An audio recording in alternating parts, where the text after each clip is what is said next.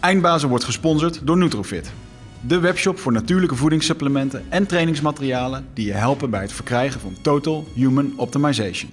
Nutrofit is hofleverancier van merken zoals Onnit, Natural Stacks en Bulletproof Coffee. Probeer onze producten zonder risico door onze money back guarantee. Bezoek ons op www.nutrofit.nl. Bestel je voor 9 uur 's avonds, dan zorgen wij dat jouw bestelling de volgende dag geleverd wordt.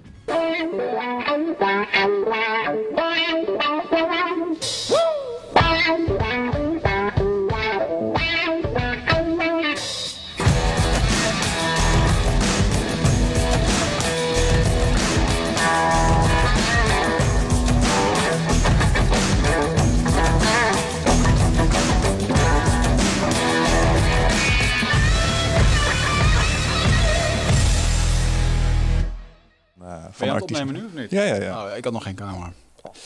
Now I'm here. Now you're here as well. Misschien moeten we dit... eh, moeten we ook nog even klappen voor Maurice? Of komt hij er wel uit, denk je? Twee. Voor de mensen die niet... eh, waren we al begonnen? We waren eigenlijk al een soort van begonnen. Ja. We hadden het erover dat we André van Duin misschien wel een keer in de studio wilden hebben. Omdat het toch ook wel een soort eindbaas is van het Nederlandse cabaret.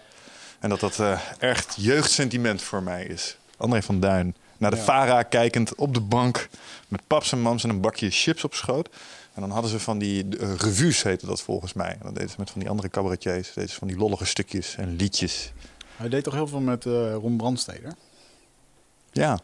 Hadden samen, was dat niet die grote pizza show? Was toch ook een televisieprogramma of zo? Of de- Ik weet niet of dat met hun twee samen was. Wat ik wel weet is dat hij wel eens... ehm, André van Duin mocht dan eh, komen eh, zeg maar als guest appearance in een show van Ron Brandsteder. Bijvoorbeeld. En dan kwam hij even langs en dan zit hij altijd alles op stelten. En dan zag je overduidelijk dat ook Ron Brandsteder het even niet meer had, weet je wel. Ja, ja. Die had een mooie dynamiek. Waren eigenlijk een beetje de Michel en Wigert van eh, toen.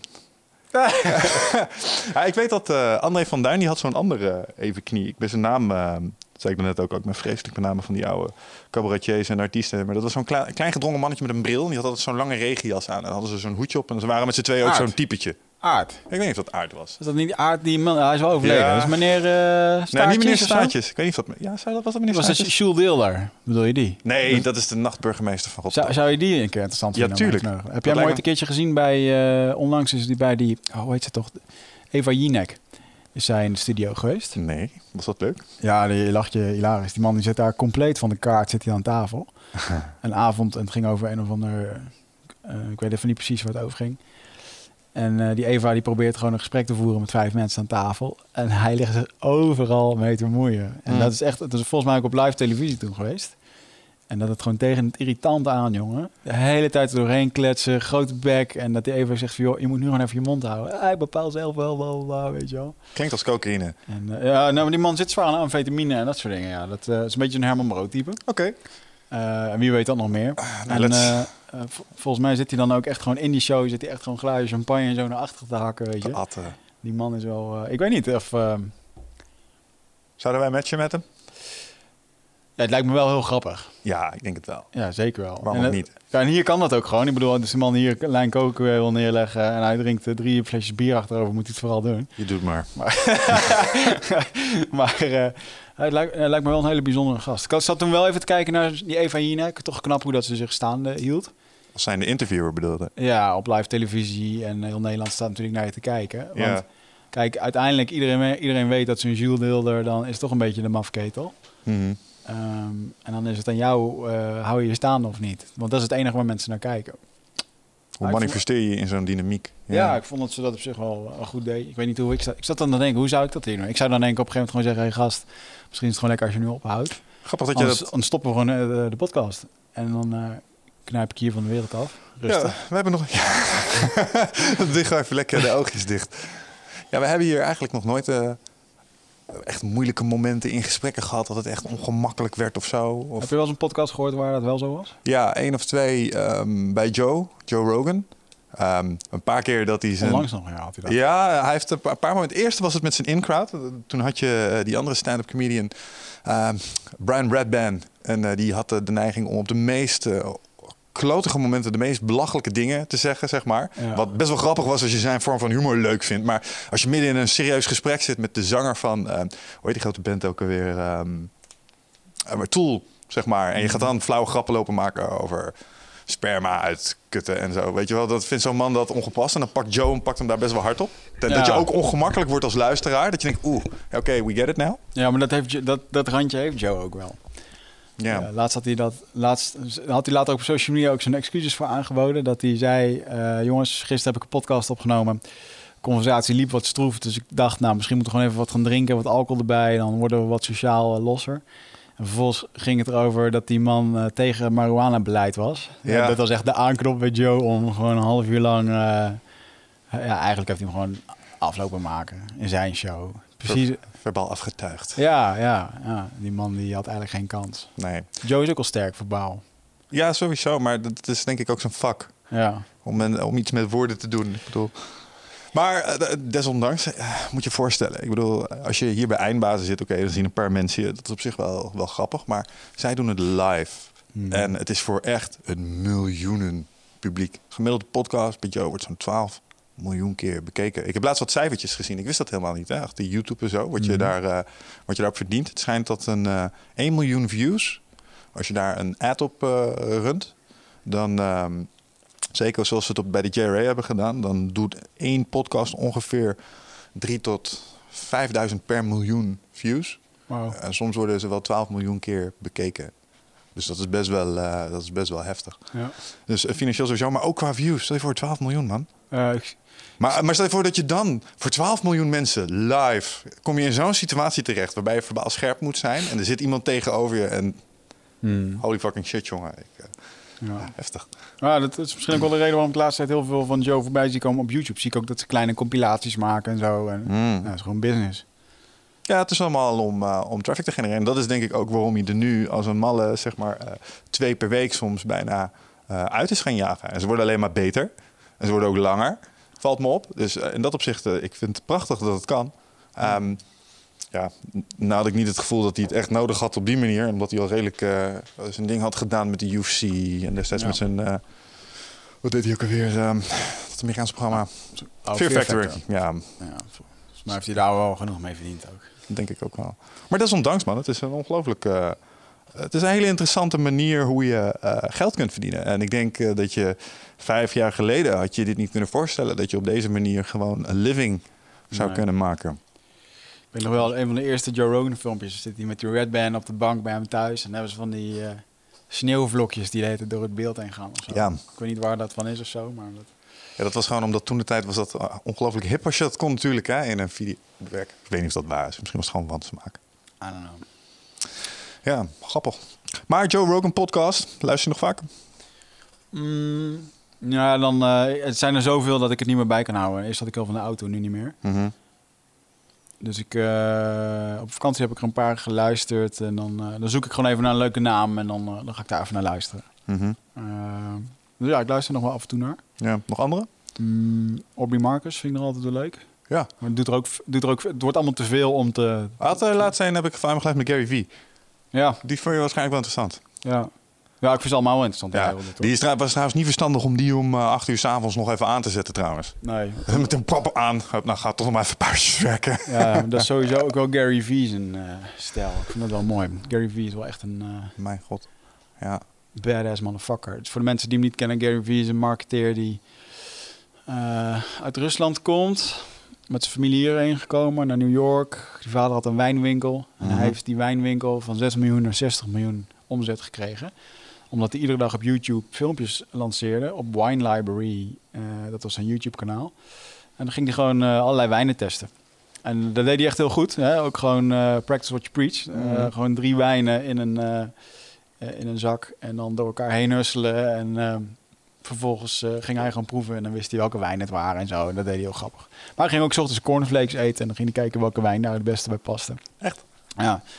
En die man die heeft echt gewoon eh, social media gebruikt om zijn business groot te maken. Eh, maar dat is echt een werkpaard. Ja. Ja. ja, dat is ook zo'n hele ding, hè. De grind. Zo ziet hij er ook uit. Ik vind hem ook echt erg ongezond eruit zien. Non-stop gaan. Ja. Ja, nou, de, de essentie van een podcast die ik dus met Obi Marcus die ik hem over luister, is dat hij ook zegt van ja, het, het is oké om ehm, ervoor te kiezen om te cocoonen als je echt weet wat je wil en je gaat ervoor, zeg maar. Het is gewoon helemaal oké. Sommige mensen voelen een soort van schuld tegen zichzelf en tegen de omgeving om er niet voor te gaan. Ja. Omdat ze allerlei dingen vinden die moeten of zouden horen, omdat je, ja, nee, zo gaat dat nou eenmaal. En eh, hij zegt, eh, zo af en toe eh, ehm, is het gewoon oké om te cocoonen. Eh, ik geloof dat hij dan een verhaal vertelt waarin hij een aantal jaar gewoon onder is gedoken om iets te gaan doen. En dan op een gegeven moment hè, dan Ja. emergen en dan, dan ben je gewoon. En het is gewoon oké om non-stop daarmee bezig te willen zijn. Als je echt 100% zeker weet dat dat is wat je wil doen. Ja. Ik, vond het, ik had het vanochtend nog over met eh, een vriendinnetje over wat hij eh, een keertje zei in een, eh, in een filmpje. En dat vond ik wel een hele goeie. Dat als je naar Idols kijkt en er zingt iemand en die kan gewoon niet zingen, Mhm. dan wordt dat gewoon verteld. En dan kun je wel zeggen, en dan soms, er waren toen altijd van die ophe- ophef over, hè, als iemand gewoon even werd afgezeken van, joh, Ja. dit gaat gewoon niet werken, je mag niemand zijn droom ontnemen. En ik vind dat hij, wat Gary hierover zegt, vind ik dat hij daar gelijk in heeft. Hij zegt, joh, hij zegt, iedereen weet dat diegene het niet gaat maken als zangeres. Aha. Dat is gewoon een vak. En hetzelfde als entrepreneurship, ondernemen, is gewoon een vak. Mhm. Daar moet je geschikt voor zijn. Daar moet je eh, talent voor hebben. Ja. En het kan dan wel heel hip klinken en zo, om dat allemaal te hebben. Maar het is, joh, je, je vergis je er gewoon in. Het is fucking hard werken. En eh, er komt veel bij kijken. Dat is En ook wat, ja. het is een artiestenbaan, man. Eh, als vorm van. Hè? En, Ja, en hij zegt, eh, hij zegt ook, het is zo makkelijk tegenwoordig om een founder of een CEO ergens van te zijn. Weet je, hij zegt stap 1, maak een Instagram account. V- Stap 2, vul dat veld in, zet de CEO neer en ineens ben je een start-up. ja. Zo makkelijk is het. En het, het punt is, het is heel makkelijk om te doen alsof het echt wat is. En voor jezelf is het misschien ook wel zo. Maar het is allemaal nep en het is allemaal hol, zeg maar. En, Ja. en hij zegt, ik ben heel erg bang voor het volgende. Hij zegt, als je naar financiële markten kijkt... ehm, en naar geschiedenis, dan is het onmiskenbaar dat je daar een conjunctuur in hebt. Er komt binnenkort weer een, een bubble burst aan, zeg maar. Dan gaat de economie gaat er weer een shake-out. Dat is heel normaal. Ehm, hij zegt maar, eh, je hebt geen idee hoeveel 24-jarige gasten die nu allemaal denken, ik ben founder, ik ben CEO, zeg maar, die dan echt zo hard door de mand vallen. Omdat dat entrepreneurship, dat is niet simpel. Nee. Snap je? En in deze negen jaar die we nu achter de rug hebben geha- gehad van redelijke economische groei, is het allemaal simpel. Maar als het echt moeilijk wordt, hij zegt, dan zul je zien wie de echte ondernemers zijn. En ik denk dat dat, eh, ja, ik denk dat dat waar is. Ja, ik denk het ook al. Ik denk dat eh, gel- eh, geld ophalen is ook relatief heel makkelijk. Op dit moment. Altijd. Ook in de tijd dat het... Ik bedoel, ik heb ook eigenlijk... eh, als je een goed idee hebt of je kent Mhm. mensen... Of, of je kan zelf goed verkopen, hè, want dat kan ook nog een keer zo zijn. eh, denk ik dat je altijd geld kan ophalen van eh, A, van familie, vrienden, wat dan ook. Misschien later van bekende ondernemers die wat willen lenen. Misschien, of, of is altijd een investeerder. Ik bedoel, eh, banken is, al, is lastig, maar... Nou ja, kijk naar hoe wij het met Nutrofit hebben gedaan. Dat is toch ook met investeerders in eerste instantie. ja. Dus Nou, ja, Mensen beseffen toch niet dat je snel al een beetje kapitaal nodig moet hebben om, eh, eh, ja, om te kunnen groeien. mhm. En eh we hadden het gewoon nodig om A, rechten te kunnen kopen van een bepaald merk en om voorraad te kunnen kopen. ja. Ja, Ja, maar tegelijkertijd denk ik ook, ja, klopt. Maar dat, dat laat het alweer klinken alsof het heel complex is en er een, een grote kloof is. Aan de andere kant, als je kijkt hoe we bijvoorbeeld met trainingen die we geven, ehm, dat, zeg maar, er zijn een boel specialisten die iets kunnen, ehm, wat ze aan een heleboel andere mensen zouden kunnen leren. Dat zie ik bijvoorbeeld in mijn omgeving ook wel. Dat mensen iets kunnen en die bedenken zich ineens, hey, ik, ik heb dit nu jaren voor een bedrijf gedaan. Mhm. Maar bij andere bedrijven spelen deze vraagstukken ook gewoon. Ehm, en die verkopen zich als een consultant of als een trainer. eh, en eh, die komen met trainingen komen ze waarmee ze hele specifieke kennis leren. Mm. En ehm, veel mensen, ik denk dat een boel mensen zich zouden verbazen over hoeveel vraag er is naar dat soort hele specialistische kennis. En als je de, de moed zou hebben om er voor jezelf iets van te maken, dat, dat je daar best wel een hoedanigheid uit kan opbouwen in sommige gevallen. Ja. wat ik bedoel?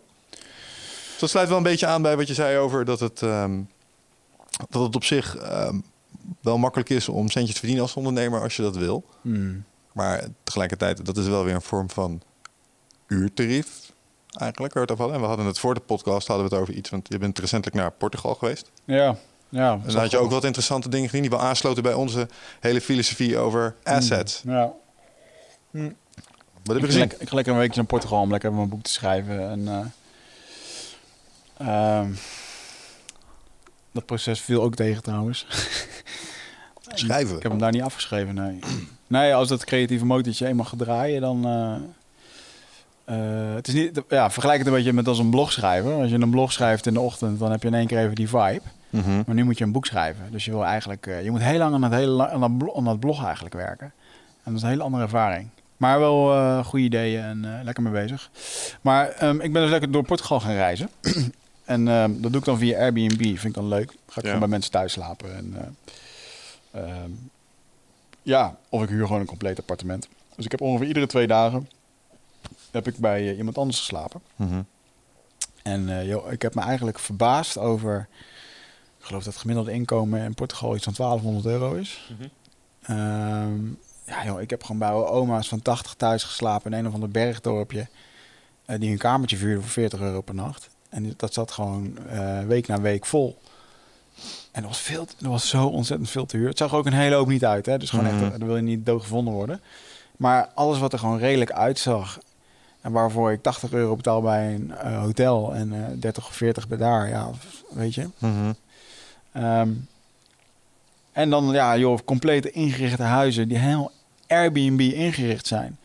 Stelletje uit Finland waar ik bleef. Die, Wat betekent dat trouwens als het Airbnb ingericht is? Ja, dat het dus alleen maar gebruikt wordt voor Airbnb. -vuur. Oh, zo, ja, ja.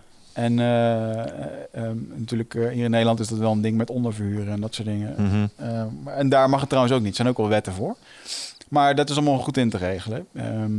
eh, wat ik daar hoorde. Maar in ieder geval gewoon eh, een Fins stelletje. Die hebben daar ooit een keer een huis gehuurd. Ehm, gingen even wat Airbnb'en om zelf wat bij te verdienen. Of ze hadden toch een paar kamers over. Ging goed. En vervolgens besluiten ze om terug te gaan naar Finland. En ze blijven gewoon dit huis huren. En ze, elke kamer is ingericht voor Airbnb. Er is een meisje uit Finland overgekomen als een soort host. Die mag daar lekker in de zon zitten, vakantie houden en een beetje de gasten opvangen. Krijgt er waarschijnlijk ook nog wat voor betaald. Ja. En ze hebben gewoon een huis, eigenlijk een bedrijf wat ergens gewoon gerund wordt eh, ja, door middel van Airbnb. ja. En nu gaan ze zelf terug naar Finland. Eh, ik zat erover te denken, joh, weet je, ik heb ook vaak, ik heb in tekort gezeten en in eh, dat ik geen geld had. Maar ergens is het ook zo, man, man, man. Het geld ligt echt voor het oprapen hier in Nederland. ja maar het maakt niet uit waar je zit. Als jij een mooie kamer hebt, joh, ook al woon je in, in Lutjebroek, er komt altijd een keertje iemand in Lutjebroek die daar in de buurt wil overnachten. ja. En eh, ja, ik stond er echt aan te kijken, joh, van eh, ja, dit is echt gewoon. Ik, er is nog nooit een tijd geweest waarin we zo makkelijk eh, aan geld kunnen komen. Mhm. Door middel van investeerders, door middel van banken, waar de rentes zo ontzettend laag zijn. Ja. Uh, dan moet ik een beetje denken aan die, eh, die coach van de Michael Project, Dan Peña.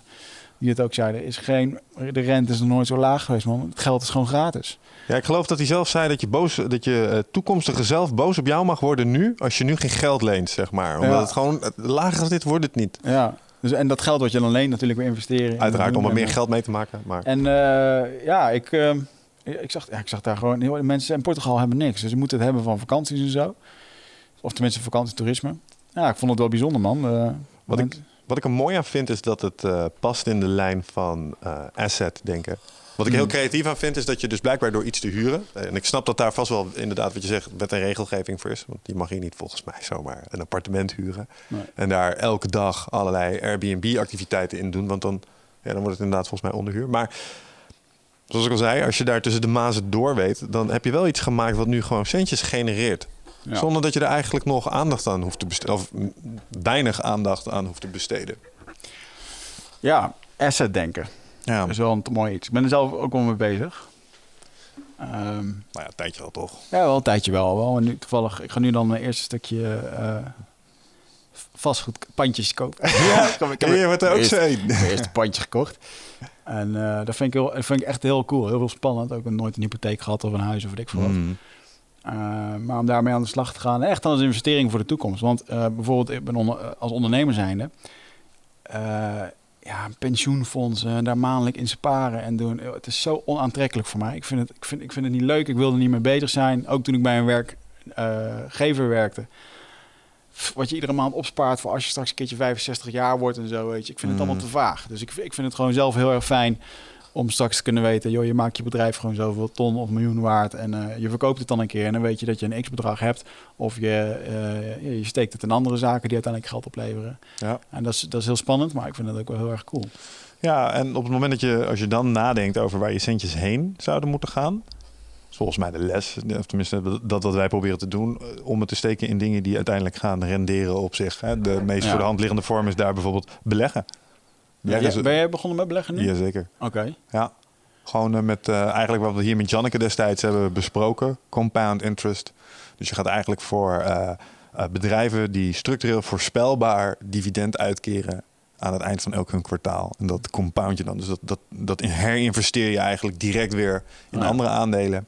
En daar heb je een aantal lijsten voor van bedrijven die dat structureel doen. Het enige wat ik nog even moet doen is ik moet het nieuwe boek van Tony Robbins daar nog uh, Unbreakable of Un- Unshakable Ja.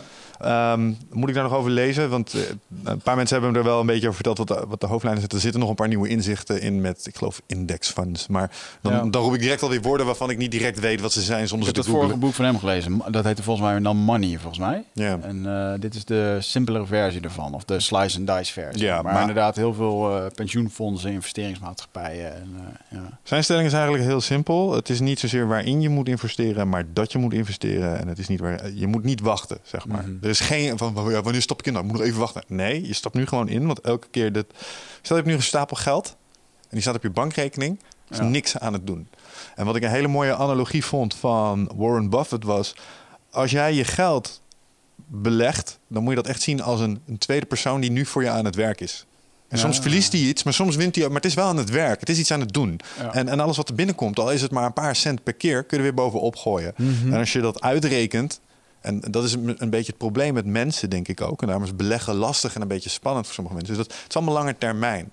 Maar in 20 tot 30 jaar bouwt dat echt op. Dus op het moment dat jij en ik echt aan onze oude dag aan het nadenken zijn... van oké, maar nu moeten we stoppen met werken... Ja. dan is dat echt iets waard geworden waar je iets mee kan Ja. zeg maar. En ehm, ja, ik deel het met je man. Je moet daar, vind ik tegenwoordig ook over nadenken. Ook omdat, want je zegt nu wel, ja, pensioenen, eh, het is onaantrekkelijk, het is complex, het is vaag wat je ervan krijgt. Het is niet eens gezegd dat je er iets van krijgt. Nee, als een bank een keer failliet gaat, dan wordt het gewoon een pensioenfonds leeggetrokken. En eh, succes ermee. Thank you very much. Ja. En daar zit je dan. ja, dat is heftig inderdaad. En eh, ja, ik heb dan nu zelf met dat stukje, met dat vastgoedprojectje. eh, het is gewoon een, eigenlijk een 30 jaren plan, weet je wel. Mhm. En dan ben ik eh 65. En dan is het fijn dat je dat, dan weet je gewoon dat je dat hebt. Ja, en dit zijn nou echt van die dingen waarvan ik had gewild eh, dat ik hier, dat ik dit had geweten toen ik 19 was of zo, Ja. 20. Toen je net met je baantje begon, dan had je al dat geld dat je gewoon lekker op zo'n Ah. rekening geknald zo. En dan had je nu al kunnen nadenken over, fuck it, ik ga er binnenkort gewoon mee stoppen. Snap je? Ja. Ja, ik vind dat wel een hele mooie dat je dat inderdaad zegt. Want toen ik ehm, eh, zo jong was, eh, mijn vader is vroeg overleden. Eh, dus ik heeft nog wat pensioen nagelaten. Toen ik 18 werd, werd dat uitgekeerd. Kreeg ik een aantal maanden, een x aantal honderd euro eh, of gulden per maand. Mhm. Ja, jongen, er is er niks opgegaan. Allemaal bullshit, weet je. En ehm, en een ander ding, eh, wij praten dinsdag op de hand. En dat vind ik eigenlijk misschien wel een leuk onderwerp om daar eens aan te tikken. Over verantwoording nemen. Eh, studiefinanciering, dat soort geintjes, weet je wel. Maximaal lenen. Ja, gewoon... eh, eh, ja, joh, ik ken gewoon mensen die hebben 50.000 euro schuld. En die 50.000 euro die zijn opgegaan, maar niet de school. Eh, weet ook niet aan primair levensonderhoud. Nee, dus gewoon een feesten, kleding en eh, ja, Precies, ja. alcohol en drugs in veel gevallen. En eh, het klinkt allemaal zo. En, ik, en het is zo bijzonder over hoe mensen daar die eh, nu erover spreken in die leeftijd. Die zeggen precies hetzelfde als ik toen. Ah joh, die rente, maar dat, dat is zo ontzettend laag. Nee joh, en dat, ah, joh, over vijf, mag het over 15 jaar terugbetalen. Ja, Ja. Pino, als je straks 23 bent en je komt van het HBO af, mag je blij zijn dat je 2000 euro verdient. ja. Maar deze sluit eh, zeg maar één op één aan bij waar we het er straks ook even over hadden. Over het verschil in ontwikkeling in je brein. Toen wij 19, 20 waren, zeg maar. Zo- zo- Zo'n leuk weetje, die haalde ik dan uit de Sam Harris podcast. En dan gaat het over de ontwikkeling van je neocortex. En het blijkt nou, eh, daar komen we de laatste tijd achter... dat dat ding pas klaar is met ontwikkelen als je 25 bent. Ja. En eh, dat ding is met name verantwoordelijk voor lange termijn planning en dat soort zaken. En eigenlijk, ehm, waar dat ding goed in is, is jouw... En dat, dat komt ook met name met de leeftijd, is korte termijn, eh, zeg maar, gratificatie inruilen voor lange termijn winst. Ja. Dat is wat het doet. Dus nu de centjes bij je houden om op lange termijn daar meer benefit van te pakken. Nu een tientje of over drie maanden 50 euro. We doen nu maar dat tientje. Ja. Weet je wel, zo denk je dan nog. Ja. Gewoon omdat je hersenen eigenlijk dat sprongetje maar 50 over drie maanden is meer. Uh-huh. Snap je? Dat is een tientje meer. Ja. Dat snappen ze. Dat, snap, dat kun je- vind je moeilijk. Ja, dat heb ik laatst gezien, man, met een soort eh, testje op YouTube... waar ze kindjes van zes een snoepje gaven. Alleen in een kamer lieten zitten en zeiden... je mag nu het snoepje opeten. Of je blijft een kwartiertje zitten en je krijgt er twee of zo. En ik geloof dat de helft... eh, die... Eentje werd heel creatief, die, die at hem niet op, maar die begon er wel aan te likken. Ja? Oh, ja. Ja, Oh, dat was echt leuk gezien. Ja, ik kan wel iets van bijstaan, ja. Grappig. Maar, Maar- maar dat is dus het hele ding daar. Dus tegelijkertijd vraag ik me ook wel af, ja, kun je het, kun je het eh, jezelf eh, toen de tijd eigenlijk kwalijk nemen dat je die besluiten zo nam? Want je was gewoon niet volledig ontwikkeld. Ja, nou had ik wel ook de andere kant dat ik heel creatief was met geld verdienen. En eh, joh, ik heb van alles, want toen ik gewoon dat deed ik dan wel. Ik deed dan bijvoorbeeld met mijn studiefinanciering, eh, had ik dan geld gespaard. En dan liet ik rashguards of t-shirtjes of, vechtbroekjes liet ik maken, designen. Misschien wel zelfs door jou, dat is al een keer is gebeurd. En dan vroeg ik op de sportschool, eh, jongens, wie wil deze dingen hebben? Dan maakte het helemaal cool, sportschool nu. En dan, eh, dan bestelde ik gewoon eh, met dat geld bij de fabriek in Pakistan direct die shit. en dan verkocht ik het weer door. ja. Of vechters importeren om seminars ja. te Ja. organiseren. Ja, nu doe ik dat met shamanen. Maar Kom ook uit Brazilië. Komt wel uit Brazilië. en ja, goed joh, ik heb, een, ik heb een alles gehandeld wat Los en vast. dan. los en vast zat. Ja. Ehm, wat zijn nog meer dingetjes? Ja, nou, vechtsportgala's om geld te verdienen, dat is ook leuk. Ehm, Je hebt toen een keer zo'n heel, eh, zo, je had echt zo'n hele lijst met businessplannen. Eh, wat was ook alweer? Die video-website voor fitnessfilmpjes. ja, mymonstercoach.com Ja. moest dat heten. Ja, Ja. En dat was een, een- echt een idee om alleen één maar... letter had je een hele goede website gehad. Eh, wat? My, wat? Figure him out. MyMonsterCoach.com. Oh, zo ja. Coach, ja. My monster. Eh, ja, dus daar was ik toen al wel mee bezig, maar dat hebben we nooit doorgezet. Maar wel een leuk idee geweest. Ja. Eh, het was zijn tijd een beetje te ver vooruit.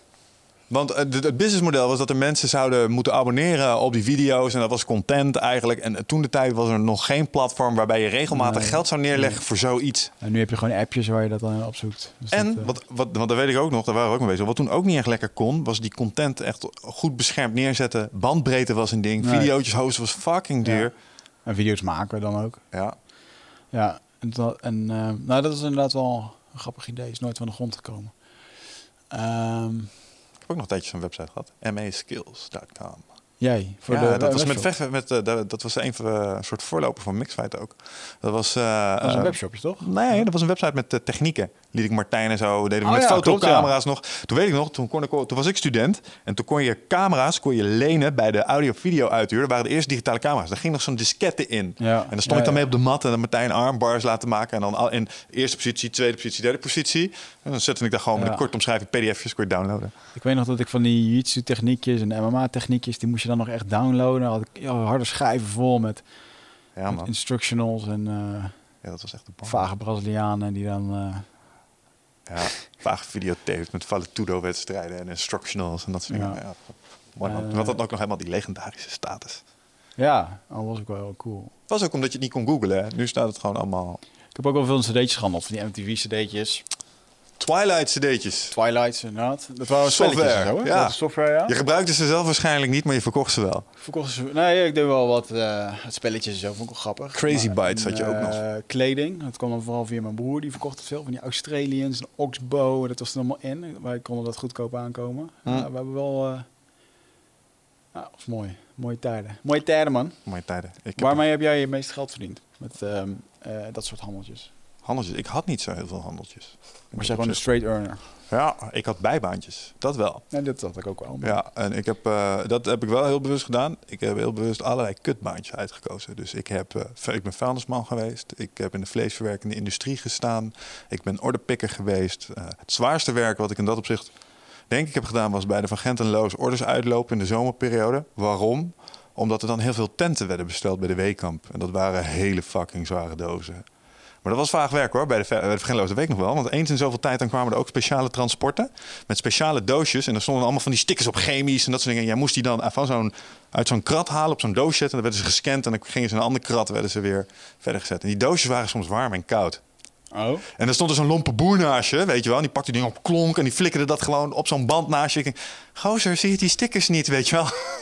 Ja, dat je echt een, eh, Biohazard. een joker eh, verhaal krijgt. Dat er iemand in één keer in zo'n ton valt. En dan, hmm. Dus zo heb ik met name mijn, mijn centjes verdiend. Maar ik, ik weet nog wel dat ik altijd op de fiets zat. En dat ik dacht, dan was je onderweg naar zo'n industrieterrein in Deventer, naar de Steegman of zo. Dat je, toen dacht ik wel, met alle respect voor mensen die die mensen in de familie, eh, uit die beroepsgroep in de familie hebben zitten, maar je zult het elke dag doen. Mhm. Ik zou echt helemaal gek worden. Je bedoelt daar werken? Ja, Wat, wat, wat- heb je wel eens in de vleesverwerkende industrie gewerkt? Ik heb toen ik ehm, bij eh, eh, in Australië zat, toen wilde ik heel graag terugkomen naar Australië. Dus ben ik teruggekomen in Nederland. Toen heb ik eventjes wat ehm, gewerkt en toen werd ik verliefd op mijn vorige vriendinnetje. Oh ja. En die zei toen van, joh, je wil graag terug naar Australië. Eh, ik had toen even snel een baantje bij Apple, eh, eh, zo'n reseller en later bij Apple. Maar ik wilde eigenlijk een baantje zonder verantwoordelijkheid, want ik ging over een half jaar weer weg. ja. In een half jaar werd ik verliefd op haar. Toen zei zij van, nou, ga nog één keer terug naar Australië en kijk wat, kijk wat je daar voelde of vond. Nou, uiteindelijk wilde ik natuurlijk allemaal niet meer terug. En ehm, toen ben ik teruggekomen, moest ik op zoek naar een baan. En ik was gewoon een van de zoveel hbo'ers. Een van de duizenden. En ik speciaal mijn, eh, mijn eigen internship, stage betaald in eh, Sydney, zodat ik dan een beter cv zou hebben. Ja, dus op een gegeven moment ben ik terug gaan, gaan werken, maar ik kreeg geen werk gevonden. En toen dacht ik, weet je, ik wil toch solliciteren, ik heb toch wat geld nodig. Ik ga gewoon niet moeilijk doen. Toen ben ik even in een fabriek gaan werken Oh ja. in, eh, in Os. Terwijl ik aan het... en dan kon ik dan ploegen draaien en dan kon ik overdag solliciteren. Ja. Dat was een kut uit. Ik heb die lijst nog op mijn computer staan. Hoeveel sollicitaties denk je dat ik eruit heb gestuurd in vier maanden tijd? Voordat je werd aangenomen. Ah, jouw kennende, enthousiasteling. Vier maanden zeg je?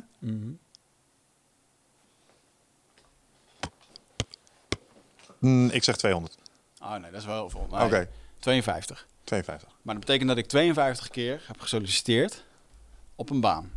En dat waren banen van accountmanager tot en met marketingmanager, Mhm. tot en met marketingmedewerker. En noem het alles maar op om maar, om maar puur op gesprek te komen. Mhm. Want ik merkte dat ik vaak op gesprek ging en eh, een aantal dingen vielen dan wel goed. En uiteindelijk weet je het toch niet. Ze vertellen nooit helemaal waarom. Het is best wel, ik word best wel een beetje bungelende gehouden daarin. Mhm. En eh, ik vond het wel een. eh, vond het echt een kut uit. Want ik wilde heel graag een baan hadden. Ik voelde me daar heel waardeloos in. Ik had toen een vriendinnetje die gewoon wilde gewoon leuke dingen doen. Ik had geen geld, weet je wel. Mhm. En eh, Wat moest je doen? eh, hoe bedoel je? Uiteindelijk voor die baan. In het werk. Oh nee, in het werk. En toen ben ik ook met- bij die loods gaan werken. En zij doen de reserveonderdelen voor, Eri- voor Ericsson en Nokia. Dude, wat ik daar heb gezien, dat, dat echt bizar. Dus moet je voorstellen. Eh wij kwamen daar aan, moesten via het uitzendbureau kwam ik daar. Toen moesten we een, eh, een test gaan doen. Eh, want je moest de ene doos bij de andere doos verzamelen. Oftewel, je moest kijken of de nummertjes gelijk waren. Mhm. Dus er werd een stukje accuraatheid van je verwacht. Serieus, we staan daar in de kantine. En waar alleen maar frituren, uh, zooien geserveerd werd. en hier heb ik met ogen open naar gekeken, jongen. Dat er op een gegeven moment zat ik daar met 30 mensen. En er komt op een gegeven moment een meisje binnen, ik denk een jaar of eh 24, die daar de HR-manager was. Met een of andere gozer erlangs, die mocht dan met haar meelopen. En die Mhm. moest ook een soort van ingewerkt worden. En dat ging op zo'n ontzettend amateur, amateuristische manier en, en, en onzeker. Nou, in ieder geval, die dame die ging ons ontvangen. Van, jongen, jullie zijn hier allemaal voor dit uitzendbureau. En die hebben dat dus dagelijks, hè. 30 man per keer die dan in één keer komt. Ja. En die moeten dan een testje doen. Echt gewoon fabriekswerk. En die zegt, joh, we gaan eventjes een rekentest doen voor eh, iedereen. en op het moment dat ze zei rekentest, Ja. stonden de mensen op. Een rekentest? Maar dat hebben ze ons niet verteld. Echt op zo'n plat os, weet je Ja, wel. ja, ja, ja. Ik ga het echt niet doen hoor. Ik ben weg hier. En gewoon mensen die dus... Je wil gewoon niet werken, dude. Hoezo? Wat maakt nou uit dat je een rekentest doet? Ja. Dat is te confronterend, want je, je bent bang dat je het niet haalt of wat dan ook. Het is gewoon faalangst. En gewoon uh, hup, meteen weg. En uh, die vrouw ook helemaal verontschuldigd. Oh ja, nou dat is dan wel uh, vreemd. Uh, want die, vrouw was zelf ook zo onzeker. Joh. En, ik, en, en vervolgens mocht die, die gozer, die mocht dan ook eventjes als afsluiter, hadden ze echt van tevoren afgesproken, mocht hij ook nog even drie dingen zeggen. En dan de dingen uitdelen. En die, dus die zegt eventjes drie zinnetjes. Vervolgens deelt hij die papiertjes uit. En vraagt hij echt gewoon met zo'n knikkend hoofdje: Was dit goed zo? Ja, dit was goed hoor. Jezus, ik zat er echt naar te kijken, jongen. Fucking grow some balls, dude. Weet je wel. Maar goed, in geval, ik, kreeg, ik had de baan, je moest rekensommetjes maken. Zoveel mogelijk sommetjes in, uh, in drie minuten tijd of zo. Je kreeg 90 sommen. En om het te halen moest je er meer dan uh, 40 moest je er toch wel gedaan hebben. Uh, dus ik had die test gewoon heel vlot gemaakt. Ik geloof dat ik er 65 had of zo. Waren het moeilijke sommen? Nee, allemaal 1 plus 3, 4 plus dat soort dingen. Uh, ja, niks ja. moeilijks. Uh, ja, de helft haalde het niet. En de andere helft, die, nou, die waren dan door. En uh, nou, die konden dan komen werken. Ik werd meteen in, ingeboekt. Maar goed, ik werd dus op een afdeling ingeboekt. Maar waar- sta heel even stil bij het feit dat een, met wat voor een incompetentie je te maken hebt als je een dergelijke test in je selectieproces moet inbakken. eh, er waren mensen die niet konden schrijven daar. Maar dat komt in een fabriek werken. Fucking weet je. shit. Ja, oké. Die hebben gewoon geen keus. Damn. Ik zou er echt helemaal geen voor. Maar ga door. Ja, en, eh, en het was grappig, want ik gaf toen ook eh, les op de sportschool bij, eh, bij Remco toen. En, dus ik gaf nog een beetje privéles. Mhm. En, dus ik had wel links en rechts wat dingetjes. En dus er kwamen ook een hele hoop mensen die ik vandaar kende. Of die ik gewoon vanuit Os in de stad ken. En ik, oh, jij werkt gewoon hier, joh. Ja, ja dat is, nu snap ik het. Je? en ik moest, ik moest op een gegeven moment onwijs lachen. Dat ik, eh, ik werd dan ehm, eh, ingedeeld bij een of andere... Ja, ik begon nieuw, dus ik, ehm, je mocht niet, ik mocht niet achter de computer zitten. Want dan mocht je letterlijk links van je een doos pakken. Die kwam van de lopende band. En die moest je dan op je tafeltje zetten. Die moest je dan scannen. Moest je twee dingen intypen in de computer. En dan moest je die doos ergens anders zetten. Dit was de privilegebaan Oh god. met de scanner werken. Ja, dat was ja, niet ja. voor iedereen. Nee, was, dat eh, hè? Dus ik was gewoon, ja, ik moest gewoon kleinere doosjes in grotere dozen doen en dan even wat, eh weet ik veel zenden. Ik moest gewoon inpakken. Ja. Omdat ik nieuw was. Dus ik, ik zit dat vervolgens gewoon te doen. En eh, er stond daar, je hebt dan te maken met ploegenleiders. En ik had een ploegenleider, die had een Ajax-t-shirt aan. Was een, eh, zat ik helemaal in die, die, eh, die harde kern van Ajax. Ik weet niet welke site dat is. F-site. Zo ja. Ja. En ehm, die staat daar joh, op die vloer met in zijn Ajax tenuutje. En hartstikke aardige kerel verder, weet je. En op een gegeven moment eh, was er ook een jongen, die was ook nieuw. Had ook al heel veel baantjes gedaan. Toen vroeg ik aan van, joh, zoveel baantjes gedaan. Wat is nou het allerleukste wat je dan gedaan hebt? Hij zegt, ja, wat ik wel echt heel tof vond, was verkeersstrepen trekken. Ja, oké. Ja, daar is ook een baan. Daar hebben mensen ook nodig voor, weet je. Maar goed, nu werkt hij dan hier. En hij had een grap gemaakt tegen die gozer dat hij een Ajax-t-shirt aan had. Nou, Ja. luister, in één keer gewoon op die werkvloer. De manager erbij. En dit was het hilarische. Die manager die daar rondliep, rondliep was een klant die ik s'avonds in de sportschool zag. Dus Oh. die man die kwam mij tegen. Hij zo, en ik wist ook nog een keertje dat deze man, heeft mij ooit een keer verteld, in zijn vrije tijd eh, naakt eh, fotografie deed. Oh. Zat heel trots te vertellen en zo. En eh, ja, eh, eh, dat deed hij dan allemaal een soort van heel, heel kunstig. En, Hij was je gewoon aan het polsen of je een keer op de foto wilde. Nee, nee, nee, nee, nee, dat niet. Maar die, ik moest daar wel om lachen. Dus in één keer stond hij daar. Hij zei, hey, hey, wat doe jij hier? Ik zei, ja, ik, zeg, ik moet gewoon even wat geld hebben. En hij zei, ga ga toch niet hier werken? Ja, ik zei, ja, we moeten gewoon even wat doen. En ik had er gewoon zin om daarover thuis te zitten of zo. Hmm. En ehm, ik moest toen zo lachen. Op een gegeven moment was er dus ruzie op de werkvloer. Want die ene had een grap gemaakt over zijn Ajax tenue. En hij wist eh, donders goed dat hij dat niet moest doen. En, en dit was dan de ploegleider. De, mensen die acht, de man die acht man onder zich had. Dit is leiderschap. Dus die zegt vervolgens: Oké, nou weet je, het is nu gewoon klaar. Hier binnen laat ik je met rust. Maar als ik je buiten tegenkom, sta ik niet voor mezelf in. En dat, daarmee was het een soort van: Oké, nou dan is het nu hier, oké. En, eh, en daar stond gewoon, de manager stond daarbij. En dacht: Jezus man, je zit hier gewoon een stel fucking baboons. Met eh, eh, 2% meer chromosoom dan een normale baboon. dat je gewoon eh, dit soort dingen, joh, de hele dag. En ja, toen zat ik ook, dus ik vond het echt heel integrerend. Want er zat er iemand achter die computer die de privilegebaan had, was een ja. man. Vroeg ik aan hem van, joh, wat heb je nou eerst gedaan? Waarom werk je hier? Die man die werkte dus in een fabriek in Limburg, dat was failliet gegaan. Die maakte grotere rubberen ballen van 10 meter breed. En, want de rubber wordt bijvoorbeeld voor de raam eh, bij je auto bovenin, Ja. van die rubberen streepjes. Nou, dat, zijn, dat, dat wordt van grotere rubberen ballen afgesneden. Oh. Dat bedrijf maakte dat. Het bedrijf failliet gegaan, een paar honderd medewerkers eh, zonder baan. En die worden dan allemaal ergens anders door het land heen gestuurd om, Hmm. om de werkgelegenheid hoog te houden. Dan krijgt er dus één van zo iemand krijgt een auto toegewezen, en een busje. En die moet dan 's ochtends, die mag die rijden, Mhm. moet die 's ochtends vier mensen ophalen om iedereen naar eh, Os toe te rijden. Die man die woont in Limburg. Ging 's ochtends om eh, half vijf stapte ze in de auto om met z'n vieren fucking een paar uur in de auto te zitten om hier te kunnen werken. Mhm. En eh, die man die werkte voor ongeveer zes. Ik weet nog dat hij iets van heel. Ja, hoe oud was die? Ik denk in de 40, 43. Dat hij iets tussen 1600 en 1800 euro verdiende. Nog niet Jezus. eens. En toen dacht ik echt van wow man, dit is, en je zit hier hard voor te werken jongen. En s'avonds weer terug en dat vijf dagen per week, weet je. Ja. Alleen maar in die hal, geen zonlicht.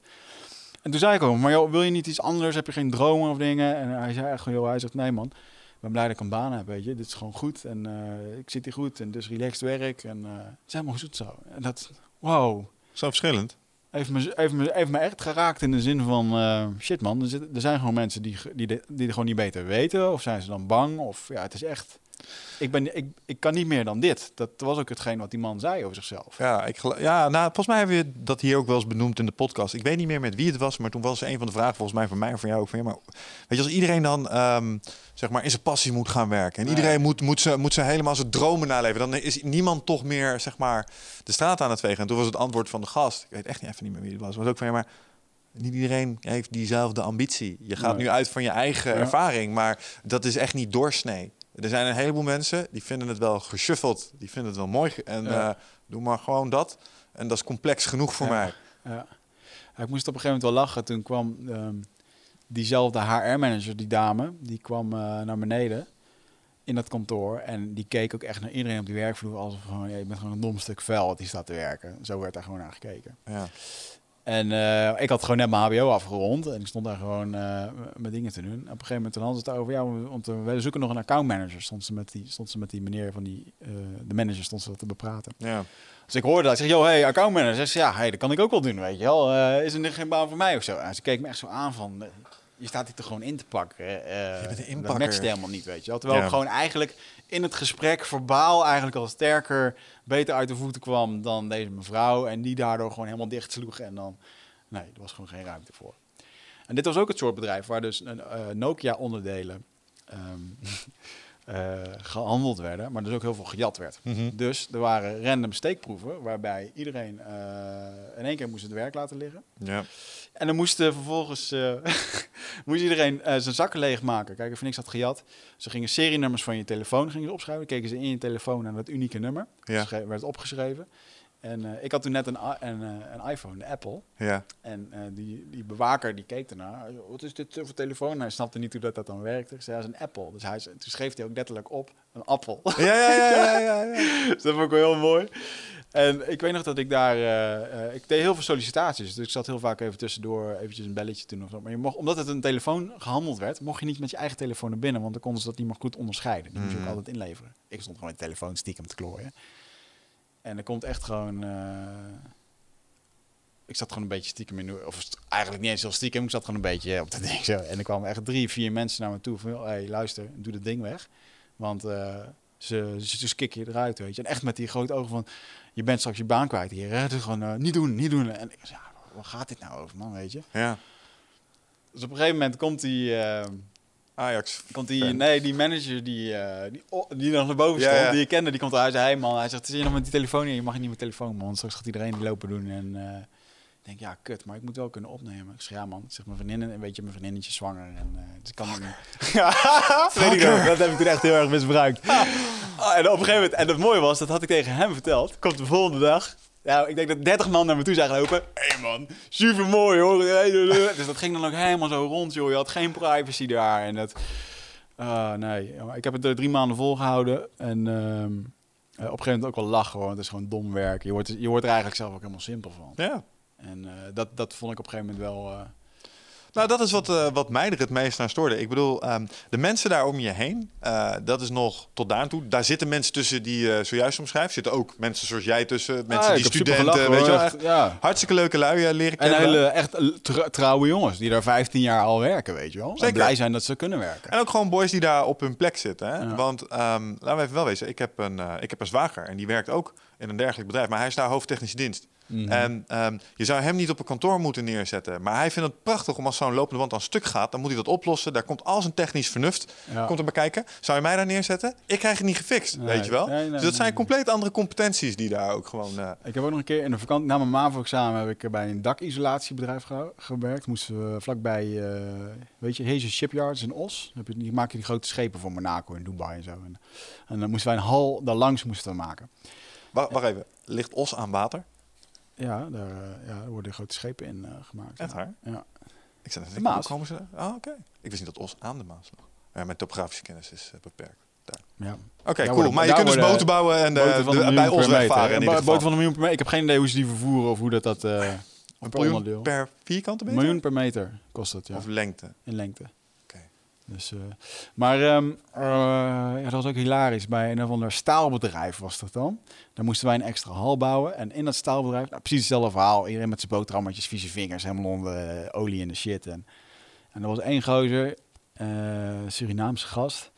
Die had dan in de zomer had hij zelf ijsjes gekocht bij de supermarkt. Had hij daar in de vriezer gelegd. En die verkocht hij dan als het warm weer was. Ook gewoon een bij te verdienen, weet je wel. Hasselaar.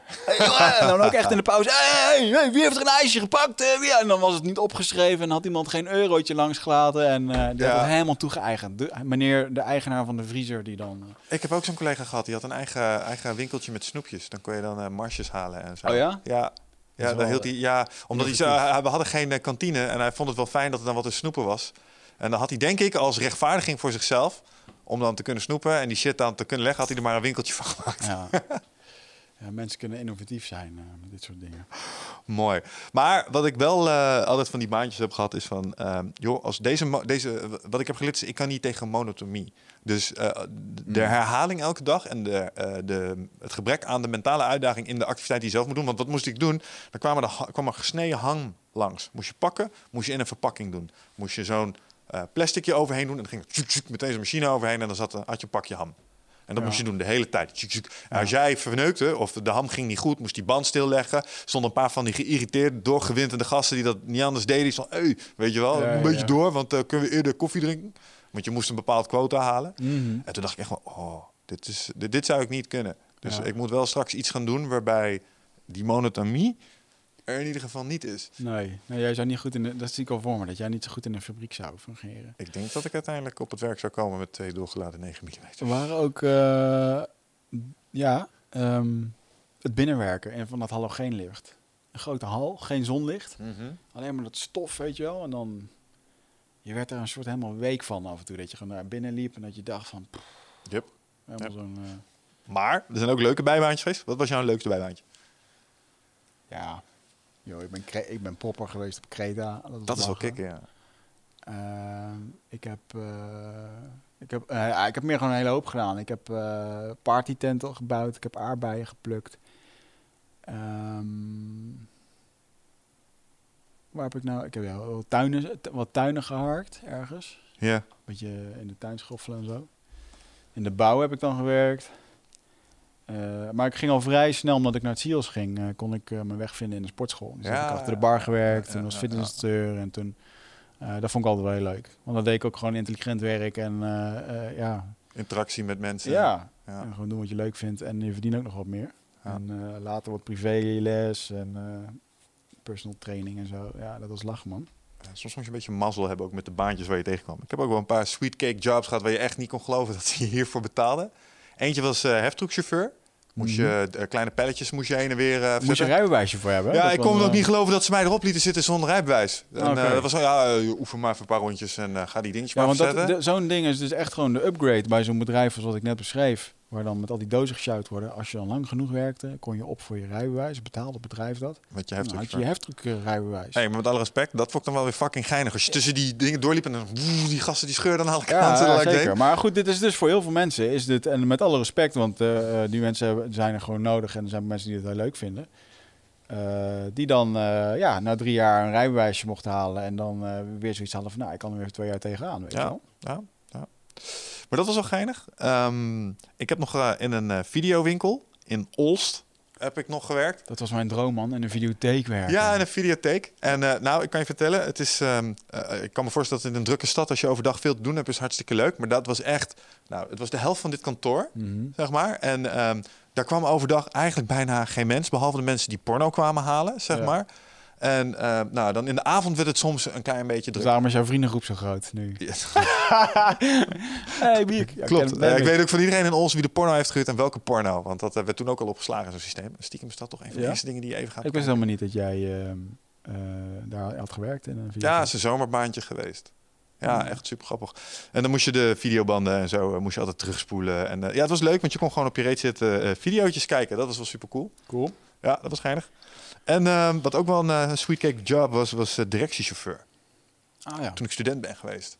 Toen eh, mocht ik op een gegeven moment, ja, via, via, mocht ik een aantal directeuren, groot aandeelhouders van een paar grote bedrijven rijden. Het meest noemenswaardig was een meneer die was directeur van KPMG destijds. Dat was echt het hoofd van bestuur. Die kwam uit Holte ja. en die had best wel een mooie auto. Nou, en dan zat hij achterin en dan moest ik, moest ik gewoon door de file heen rijden. En dan was het truc om de rem niet te gebruiken. Want eh, zij merken dat dan achterin heel Ja. erg. Dus je moet dus een bepaalde stijl van rijden die je hebt. Eh, dat was best wel leuk. En dan eh, zat hij op hoofdkantoor in Amstelveen. En dan zat ik daar te wachten. En dat weet ik nog wel. Dat was echt super grappig. Want ik was 20, 21. En ze zetten mij op een kantoortje met een internetverbinding. Dus wat ging ik doen? Kijken of ik porno kon kijken daar. Maar dat was een afgeschermd netwerk. Are you sure? Ah, heb je dat echt gedaan, joh? Ja, en um, ja, maar ik was fucking jong. Als je het Ja, nou hebt over... eh, en toen uiteindelijk is dat zelfs eh, nog even gemeld bij mijn eh, opdrachtgever. Die zegt van, hey, heb jij daar eh, zitten studeren? Ja. Ik zei, ben je ook op het internet geweest? Hij zei, ja. Heb je op foute sites zitten kijken? Ik zei, ja, beetje. Hij zei, ja, geeft niet. Maar dat konden ze wel zien eh, bij systeembeheer daar. Ik zou echt waar? Ik, Ja, ik, ik weet dit nog uit mijn vorige, bij die financiële dienstverlener waar ik werkte. Ehm, werkten we vaak met creditcardmaatschappijen samen. En een creditcardmaatschappij eh, wil voor sommige branches willen ze toegang tot de sites. Als je dus eh, betaald porno wil aanbieden, Hm. dan moeten, er zijn dus mensen die hebben als baan om te checken wat voor porno dat het is. Mhm. Zij moeten zelf de inschatting maken van... hey, deze is te jong, deze is onder de 18, eh, dit is te ranzig, of dit kan niet... of dit is met dieren, weet ik veel wat. Een hele bijzondere baan. En daarmee, ja, en daarmee wordt dan zo'n account gewoon... Maar stel nou dat, dat is een miljoenenbusiness, als dat in één keer wordt stilgezet... eh, want er staat strafbare shit op, dan Ja. verliezen ze echt heel veel geld. Dus er zijn gewoon mensen die hebben dat gewoon als bijbaan. En daar kregen dus mensen, eh, of gewoon hun baan... daar kregen dus mensen het wachtwoord... een all-access wachtwoord van zo'n bedrijf... Waarin ze, waarin ze random konden scannen. En op een gegeven moment werd er gewoon teruggemeld van... hé hey jongens, we hebben jullie die wachtwoorden gegeven. Wij zien alleen dat er hier gisteravond om 11 uur eh, is ingelogd. En volgens mij zijn jullie niet eh, om 11 uur s'avonds aan het werk. Dus dat er gewoon eentje met zijn broek op zijn knieën... met zijn pino pyjama achter zijn computer eh, zichzelf eh, klaar te maken. ja. Mooi hoor, werd die even betrapt. En die is ontslagen toen ook. Ja, echt? Ja, ja. Hm, opmerkelijk.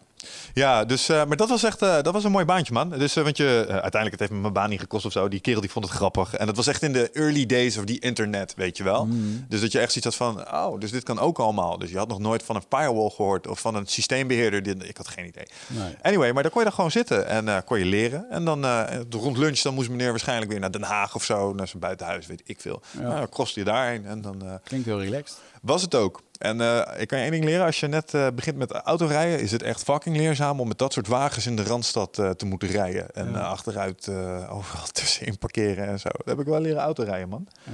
Maar het was echt was leuk. En je kreeg een, leuke onkostenvergoeding voor die dag om gewoon te lunchen. Ik kon gewoon ergens kon gaan eten. Want ja, ze wisten ook wel, die kerel die eet waarschijnlijk in tenten. En als jij als je student daar dan moet betalen, dan ben je alles wat je verdient hebt die dag, ben je ook gewoon meteen kwijt. Ja. Dus ik heb heel vaak in van die tafeltjes ergens achteraf in zo'n deftig restaurant gezeten. Zat ik daar met mijn boekjes management en economie, zat ik dat gewoon te leren. Lach hoor. Ja, ik zie wel eens van die advertenties, stu- studentchauffeur.nl of zo, dat soort dingen. Ja. Gratis reclame voor deze jongens. Is toen gestopt omdat die vent eh, is overgenomen. Maar ik, ik, ik weet nog met name dat ik ook veel heb geleerd van die gesprekken. Want Had je die- ook een oranje stropdas dan om? Nu-? Was dat een beetje hun... eh, Nee. Ah, dat kan me iets van herinneren. Dat dat Nee, deze niet. Dit was gewoon een, klei- een kleine ondernemer uit Deventer. En die heeft dat op een gegeven moment eh, verkocht aan een grotere club.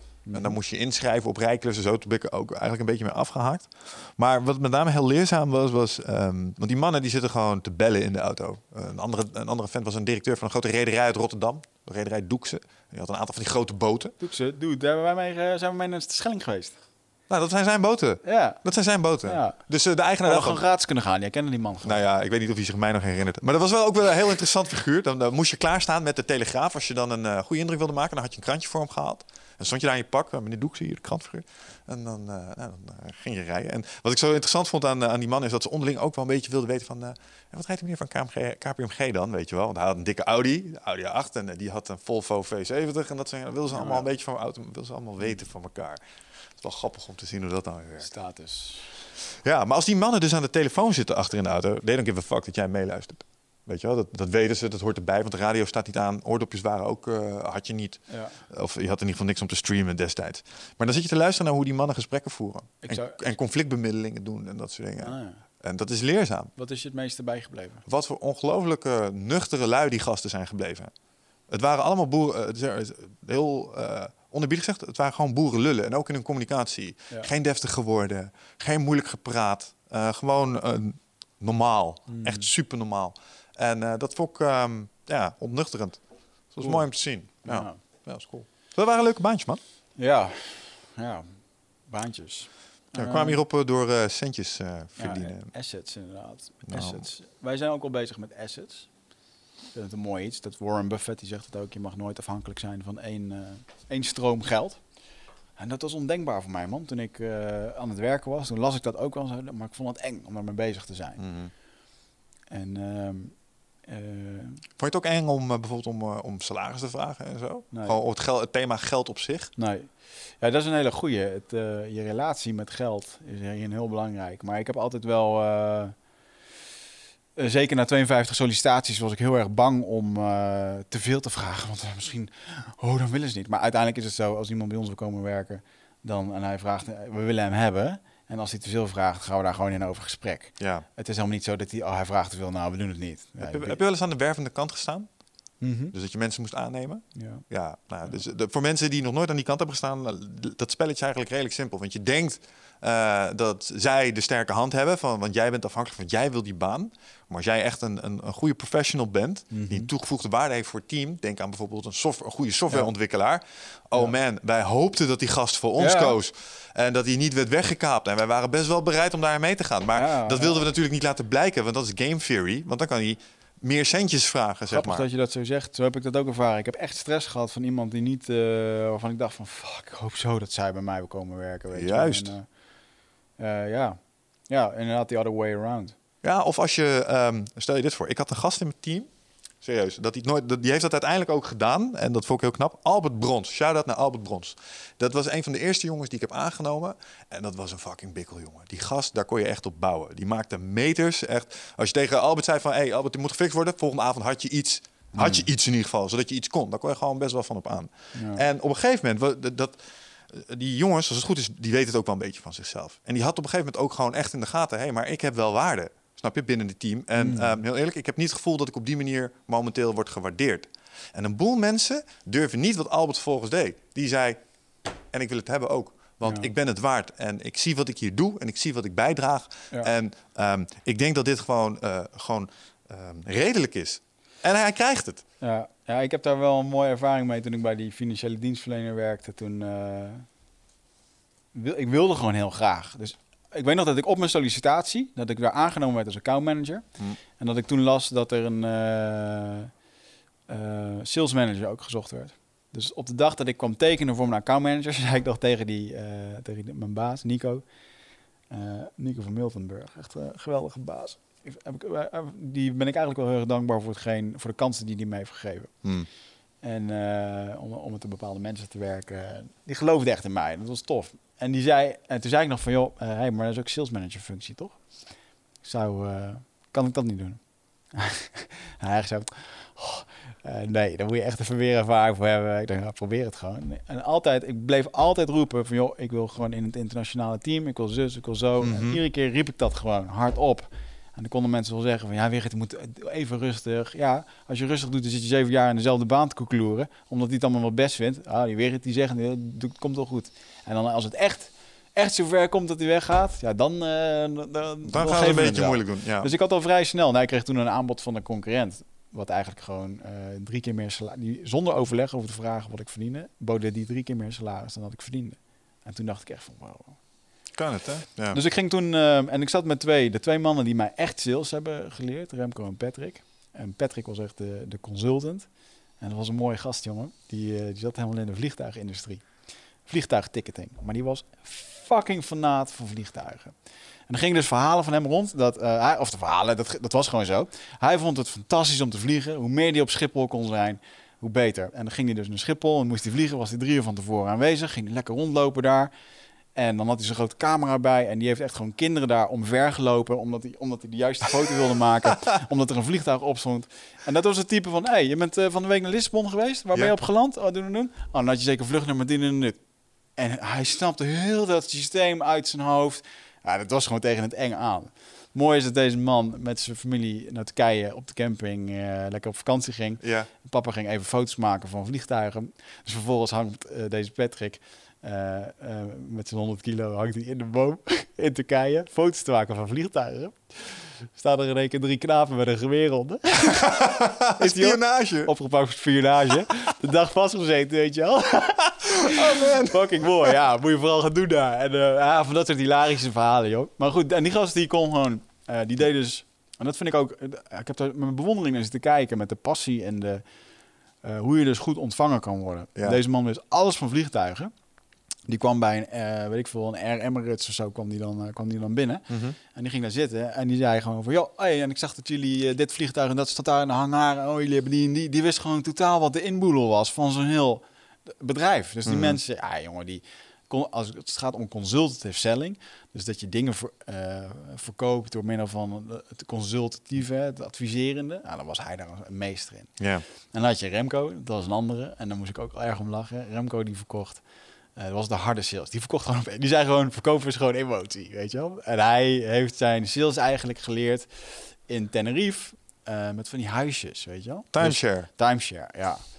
Gewoon als oudjes uit het vliegtuig komen en ze zijn nog helemaal in die vakantiestemming of ze hebben het leuk. Ja. Dat is het moment. hey, zouden jullie hier willen wonen? Ja, we vinden het hier wel heel fijn. En als hij ze in die taxi kreeg om naar de timeshare toe te laten brengen, dan kreeg hij al zijn commissie. Dat was al. eh, Dat was al genoeg. ja, dus deed het verdienen gewoon bakken met geld mee. En dat was dus heel erg op, ja, eh, eh, want je wil de oudere groep, want die hebben geld. En daar kun je heel erg op emotie inspelen. En dit was een type jongen, die, die heeft, ik nam dan klanten van hem over. Die bij mij dan in één keer belden van, joh, ja, ik heb twee anderhalf jaar geleden met die Remco gezeten en we zouden graag dit en dat willen gebruiken in het systeem. Mhm. Zei, ja, daar heb je al lang toegang toe, want dat heb je al lang afgenomen. Die man die verkocht gewoon alles zonder dat een klant het zelf wist. En die, die kon dat gewoon met, door de klik, was gewoon relaxed. Die had het helemaal niet over producten of dingen. Die had gewoon een fijn gesprekje. Ondertussen tekende hij het contractje. Hé, hey, maar nou top, en dan gaan we het gewoon regelen. Je zet hier op je handtekening en je wist niet eens waarvoor je tekende. Weet je? Heel slick. Ja, maar wel uit het op een hele natuurlijke manier. En dat is wel mooi. Dat ik met die gasten heb ik wel heel veel. eh, eh, die hebben me wel echt eh, sales geleerd daarin. Ehm, eh, en het mooie was dat ik uiteindelijk op een gegeven moment op, op vrij snelle leeftijd al zei van jongens, eh, zij waren eigenlijk een beetje, we zitten hier al lang, maar we zijn ontevreden. Mhm. Ik had gewoon een grote bek, ik had toch niks te verliezen, dus ik, anders ging ik gewoon naar een andere club. En in één keer eh, zagen zij van ja, hé, maar die gast die werkt in heel drie jaar en die gaat misschien nog wel harder in verhouding dan wij hier. Dit klopt gewoon niet. En dan, toen gingen andere mensen in één keer opstaan. Dus het is ook voor een bedrijf is het heel irritant als je dat soort wiggerts in je bedrijf hebt die eh, iedere keer de lat hoger leggen. Ja. Er wordt gewoon gepraat op de werkvloer. Ja, dat. En dat is denk ik ook. Maar dat is tegelijkertijd ook voor werkgevers. En eh, is dat ook een valkuil? Want eh, ik heb dat ook wel gezien in de praktijk. Dat er gewoon op een gegeven moment wat verschillen ontstonden eh, binnen eh, zeg maar organisaties als het ging om salaris. En men wist dat wel van elkaar. Hmm. En dan krijg je op een gegeven moment mensen die rondlopen met het gevoel dat ze ondergewaardeerd zijn. Of andere mensen overgewaardeerd. Dat vinden ze misschien nog wel erger. Ja. Ja. En, en, en, en dat, dat sluit weer aan bij je relatie met geld. Het valt me dan tegelijkertijd op dat het eh, heel makkelijk is om dat eh, bespreekbaar te maken bij het koffieapparaat even onderling. Weet je, Ja. zo smoes, smoes. Maar om er nou echt actionable, eh, proactief iets aan te doen, door of bespreekbaar te maken met je manager of zo, dat blijft Mhm. altijd een beetje achterwege. ja. En ik denk dat de boodschap hier is, is dat ehm, als jij eh, echt waarde hebt voor je team en je weet het, en je loopt met een dergelijk gevoel rond van onderwaardering, ehm, daar kun je best wel iets in doen. ja. Eh, je hebt meer, ehm, meer leverage als je denkt. Mhm. Ik heb wel eens gehoord dat een medewerker die weggaat, en ik weet niet of dat in alle industrieën zo is, maar een, een ingewerkte medewerker die al een paar jaar bij je werkt, een medior of een, of een senior die vertrekt, ehm, dat kost je ongeveer 100.000 euro. Wauw. Omdat je een stukje productiviteit verliest, die je normaal... Kijk, neem, neem bijvoorbeeld een, een softwarehuis. Ja. Want, hè, d- daar moeten mensen gewoon uren maken om software te bouwen. Die software wordt verkocht. Dus als er op een gegeven moment iemand die heel veel eh, werk kan verzetten wegvalt... en je moet een nieuwe inwerken, ja, daar zitten kostenplaatjes bij. Ja, dat snap ik wel, ja. Dus en als, je, en als je manager dat nou weet, dat als jij weggaat, dat hem dat eigenlijk in de boeken straks, gaat hem wat omzet kosten, het gaat nieuwe kosten voor het inwerken van een nieuwe medewerker, dat, dat speelt in zijn hoofd ook mee. En hij zal de afweging maken, is het me dat waard om deze persoon te verliezen? Ja, veel randfactoren. Is het de manager die ook eigenlijk de basis en de eigenaar van het bedrijf? Is het een hele andere verhouding als hij de manager is in een KPMG die gewoon eh, Zeker. Het misschien niet eens ziet of niet capabel is om het eh, te zien? Ligt er ook aan hoe zo'n organisatie is ingericht natuurlijk. Maar wat, eh, het punt is dat je ook als werknemer zijn en je bent een goeie, eh, dan heb je best wel wat ruimte om iets te doen aan je salaris als je het gevoel hebt dat dat te laag is. Alleen het ligt aan jouw relatie inderdaad met centjes en het valt mij op dat mensen het, het, het gênant vinden om dat bespreekbaar te maken. Ja, ik vind ook altijd bijvoorbeeld een mooie. Ehm, de relatie, als het gaat om de relatie met geld. Als ik dan gewoon eh, zei tegen mensen, joh, wat verdien je nou? Mhm. Oeh, Had je niks aan? Hmm, nou, dat, eh, oh, dat zou ik echt niet weten hoor, zo uit mijn hoofd. Luister, lief schat. Jij weet exact wat er op de 26e van de maand op jouw rekening komt. En eh, hoeveel je overhoudt of niet. En eh, helemaal dat, nou, oh, dat, dat... Ja, ik snap het hoor, als mensen dat privé willen houden. Wie ben Ja, ik om daar een oordeel over te hebben?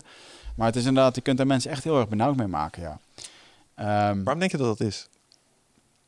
Dat heeft toch te maken met eh, de relatie met geld door middel van je opvoeding, door middel van ervaringen. Ik zat laatst met iemand te spreken eh, die mijn leeftijd had en die dan zich helemaal in de fucking stress zit met geld. Door allemaal rare toeren gaat uithalen in de hoop eh, dat er dan, hè, dus ook letterlijk zo, ergens een, een vrijwilligersbaan nemen. Want ja, dat zou wel ooit eens een keer kunnen dat ze daar iemand echt betaald willen nemen.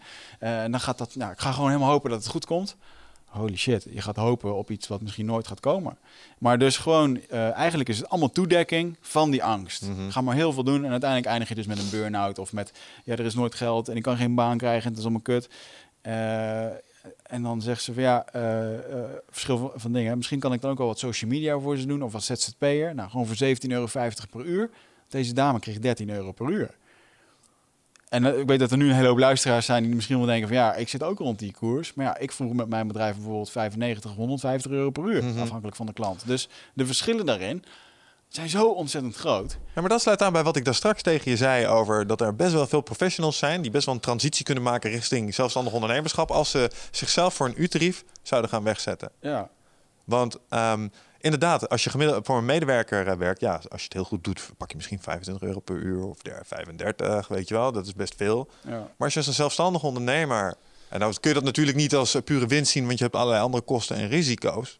Maar een, eh, ik geloof marktconform tarief voor een stukje interim projectleiding, management is 150 euro. ja. En ik, ik weet van sommige co- coaches in de industrie die ook op uurtarief werken. En dat zijn senior coaches die vragen 250 tot 300 euro per uur. En dan denk je, wauw, wat een tarieven. En dan kennen wij mensen in de advocatuur. En dan weten we dat die nog meer geld per uur vragen. Hey, ik ben nu echt. eh, ik zat te kijken op eh, eh, Robin Sharma. Shawarma? Dat is een coach. Ro- Robin Sharma Shawarma. heeft een heel mooi boek geschreven. The Monk Who Sold His Ferrari. Mhm. Heb ik al verteld. Mhm. Ik Een heel inspirerend boek. dat inspireert me heel erg voor mijn boek wat ik nu aan het schrijven ben. In ieder geval om het in een romanvorm te brengen. Ah, als verhaal. Dus hij heeft ja. niet echt een managementboek geschreven, maar hij heeft eigenlijk een managementboek van een advocaat die een hartaanval kreeg, eh, naar een of andere berg in India ging en daar allemaal wijze lessen le- leerde. En eigenlijk vertelt hij een beetje het 12 ways protocol, alleen dan in een, een, een soort mooi luchtig verhaal. En ehm, eh, deze man, ik zat op zijn website te kijken, die doet coaching vanaf 50.000 euro per maand. Shit. Dat bestaat ook gewoon. Ja. En ik zat laatst ook met iemand te praten. Die was een of andere retreat geweest in Costa Rica. Waar, allemaal, waar je dan 10.000 euro voor moest betalen. En joh, eh, Wigert, eh, waarom vraag je 150 of 135 euro coaching per uur? Eh, waarom je niet richten gewoon op 5000 euro per maand? Of mensen die... Een Donald Trump. Denk je dat die zich laat coachen door iemand die minder dan 20.000 euro per maand vraagt? Nee. Weet je? Nee. Dat, dat is gewoon, daar kan je op richten, man. Dat is ook een... eh, Nee, maar tegelijkertijd, als een Tim Ferriss zegt, yo, ik ben 5000 euro per uur het waard, dan zeg ik eens. ja. Ja, ik heb ook, we hebben ook wel eens gevraagd wat een Remco Klaassen kost per uur om ergens te praten, zeg maar. Die is ook niet goedkoop en die kan dat ook vragen. Ja. Maar dat is omdat hij naam heeft. Eh, ik bedoel, er is een, er is een hele, eh, een hele, ik geloof, presentatiezaan naar die beste man vernoemd in ergens een of andere Hilton, zeg maar. Dus die Mhm. heeft inmiddels een bepaalde naamsbekendheid. Ja. Als ik dat doe, snap je wat ik bedoel? En ik denk dat een heleboel mensen ook met dat gevoel lopen van, joh, ik ben nog niet daar om dat soort tarieven te Ja. mogen vragen. Ja, ja goed. Ik, ik weet het niet of het. ehm, eh, stel nou dat jij nu in één keer zegt van joh, ik wil me gewoon gaan richten met, eh, ik noem maar even wat, een zijsprong, eh, time management. Maar gewoon voor topmanagers, CEO's, Mm. want die hebben gewoon een ander denkbeeld. Ik vind het fijn om met die mensen te werken. En ja, moet je dan heel veel track record hebben? Ja, ergens moet je een keertje beginnen. Maar eh, ja, als je dat dus wil, als je dat ambieert, dan is dat gewoon mogelijk. Ja. En ehm, Ja, maar dat sluit ook aan bij. ehm, ja, klopt. Maar dat is wel een, wel een pad daar naartoe. Want als er zeg maar een nieuwe gast, waar we het net over hadden, Zeker. nieuwe entrepreneur, Instagram-account, founder. En ik ben nu eh, de nieuwe David Allen. ja. Nee. Ja, nou ja, true. Ja, je hebt credibility nodig, maar dat is dus hard werken en Ja, investeren. nou, daarin. dat, dat is het dus een beetje. ja. Hmm. Ja. Maar wat was, eh, wat was de kernles van die beste man eh, eh, als het ging om zijn relatie met centjes? Ehm, hoe kwam, wacht even. Onze monk met de Ferrari. Nee, oh nee, dat was gewoon even. Het viel me even op dat deze man gewoon 50.000 vanaf 50.000 euro per maand coacht. Ja. Dus dan kost dat, dat is het minste de investering die je kwijt bent. Anders doet hij het gewoon niet.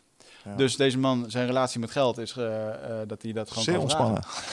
En, nou ja, en ik vind het wel een hele goeie. Hè? Bijvoorbeeld, ik werd laatst toen ik eh, mijn laatste lezing gaf over mijn indianen. En dan sta ik vol enthousiasme te vertellen over allerlei spirituele zaken, maar ook over hoe ik ayahuasca neem en ik, hoe ik over uh, bedrijfsplannen nadenk. Mhm. En deze man komt na de podcast komt hij naar mij toe en hij zegt, joh Wigert, hij zegt, uh, super mooi verhaal en over het vinden van je missie en zo. En zeg maar, toen ik jou op een gegeven moment hoorde over marketing en ondernemen en geld verdienen, ja, toen ja, viel dat wel een beetje allemaal in elkaar, dat verhaal. Dus ik, ja, het voelt gewoon niet zo fijn. Zei hij gewoon na de dingen, weet je wel? Hebben we het vaak over gehad, hè? Over dit. Dus ik was echt zo, nou, oké, bedankt voor je idee en voor je mening. En het was wel mooi, want in het gesprek heb ik hem wel uh, eigenlijk... Uh, want eigenlijk legt hij iets bij mij neer. Uh, hey, je bent hier een spiritueel praatje aan het houden. Vervolgens gaat het om ondernemen en veel geld verdienen. Dus die twee matchen niet. Ja. Dat zegt hij eigenlijk tegen mij. En toen zei ik tegen hem van, joh, het heeft allemaal te maken met die relatie met geld. Want voor mij, veel geld verdienen betekent dat ik mijn boek kan laten vertalen. Dat ik nog meer marketing kan doen, nog mooiere marketing, zodat ik nog meer boeken ga verkopen, dat ik nog meer die boodschap kan uitbrengen. Yep. Dat is mijn relatie met geld en waarom ik veel geld wil verdienen. Ik werk er hard voor, mijn supplementenbedrijf te maken, mensen gezonder mee. Uh, joh, hey, uh, hoe meer geld je verdient, hoe meer je kan weggeven. Money is leverage. Geld is een, is een, is een middel om iets te projecteren in de mm. werkelijkheid. Je kunt er iets mee manifesteren. En ik denk dat mensen geld verwarren met uh, zelfverrijking en welvaart. Nou, dat Als jij met al dat geld dikke Ferraris gaat kopen, zo, waar ook helemaal niks mis mee is, hè? als dat je doet is, go ahead. Ja. Alleen, ik kan me wel voorstellen dat mensen enerzijds denken, als je een heel verlicht verhaal wil houden, dat ze dat, uh, als je dan tegelijkertijd heel materialistisch bent, dat ze dat moeilijk te vereenzelvigen vinden. Ja. En, ik denk dat dat de denkfout is die die maakt. Want ja, veel geld hebben is geen materialisme. In het, in het gesprek heb ik dat ook aan hem teruggegeven. Ik joh, ik zeg maar, jij hebt nu deze vraag, uh, je stelt het nu aan mij. Ik zeg maar, eigenlijk wil ik dit gewoon aan jou teruggeven. Want uh, dit gaat om, het gaat niet om mij of wat ik je sta te vertellen. Het gaat om jouw relatie met geld. Dus kijk eens bij jezelf wat het stukje veel geld verdienen en spiritualiteit, wat dat in jou spiegelt, waarom je, nu, waarom je het nu aan, want je irriteert je eraan. En toen zat hij bij zichzelf, ja, ja, ik vind zelf inderdaad wel, eh, geld vind ik wel lastig. Ja, dus je bent of bang om heel veel geld te verdienen. Of je hebt het nooit gehad. Of je hebt er een relatie mee dat je denkt van wat mensen met veel geld, uh, dat is altijd om hebzucht en uh, is nooit goed. Ja. Nou, dan zijn er een aantal dingen in jouw, in jouw familie of in jouw leven gebeurd die daarvoor hebben gezorgd. Maar dan kun je wel opnieuw helder leren kijken, vind ik.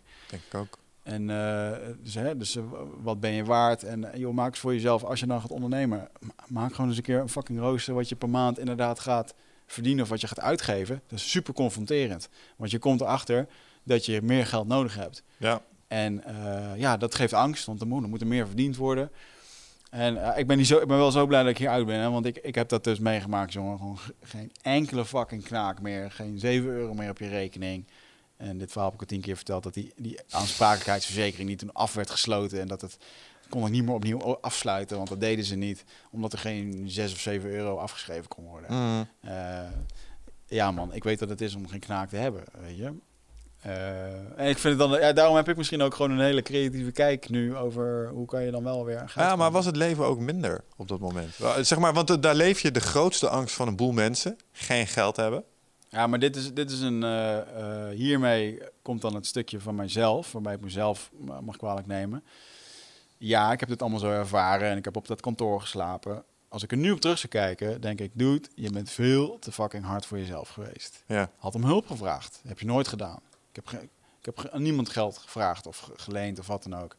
Uh, ik wilde gewoon, ik wilde het zelf fixen. En daarvoor ben ik op kantoor geslapen. Ik hoefde niet op kantoor te slapen. Ik had ook twee dagen per week daar kunnen werken en drie dagen per week, weet ik veel, bij mijn moeder in uh, huis of zo. Hmm. Maar ik koos ervoor om dat niet te doen. Dus uiteindelijk uh, doe je, je doet je het jezelf aan, man. En hetzelfde met schulden of met mensen die uh, om wat voor reden dan ook schuld hebben. Of een studiefinanciering, of een bedrijf wat failliet is gegaan, of weet ik veel wat uiteindelijk is het iets wat gebeurd is door je eigen handelen. En dan kan je maar op één ding op doen. Daar kun je of dan uh, heel erg kut over gaan voelen en niet meer durven. En ik denk dat dat een dingetje is. Uh, dat als het een keer fout is gegaan, dat je daarna niet meer nog een keer durft om wat te doen. Ja, ja dan, uh, dan ben je verloren. Ja. En ja, het is lastig, man. en ik snap ook wel. ik weet ook wat het is om die schuld te hebben. Ik weet ook hoe het voelt en hoeveel stress dat het kan geven. Ik nam dat heel persoonlijk.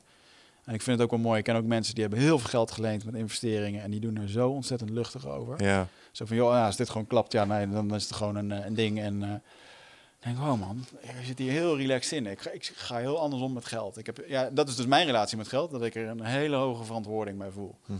Ehm, en dat komt denk ik ook wel terug in de manier ja, hoe wij soms gesprekken hebben over geld, over investeringen die we moeten maken of wat dan ook. Ik, word er, ik word er kriegelig van als er op een gegeven moment niet genoeg op die rekening staat. Dan kan ik, eh, kan ik van wakker liggen. Ja, ja nou, ik herken dat wel.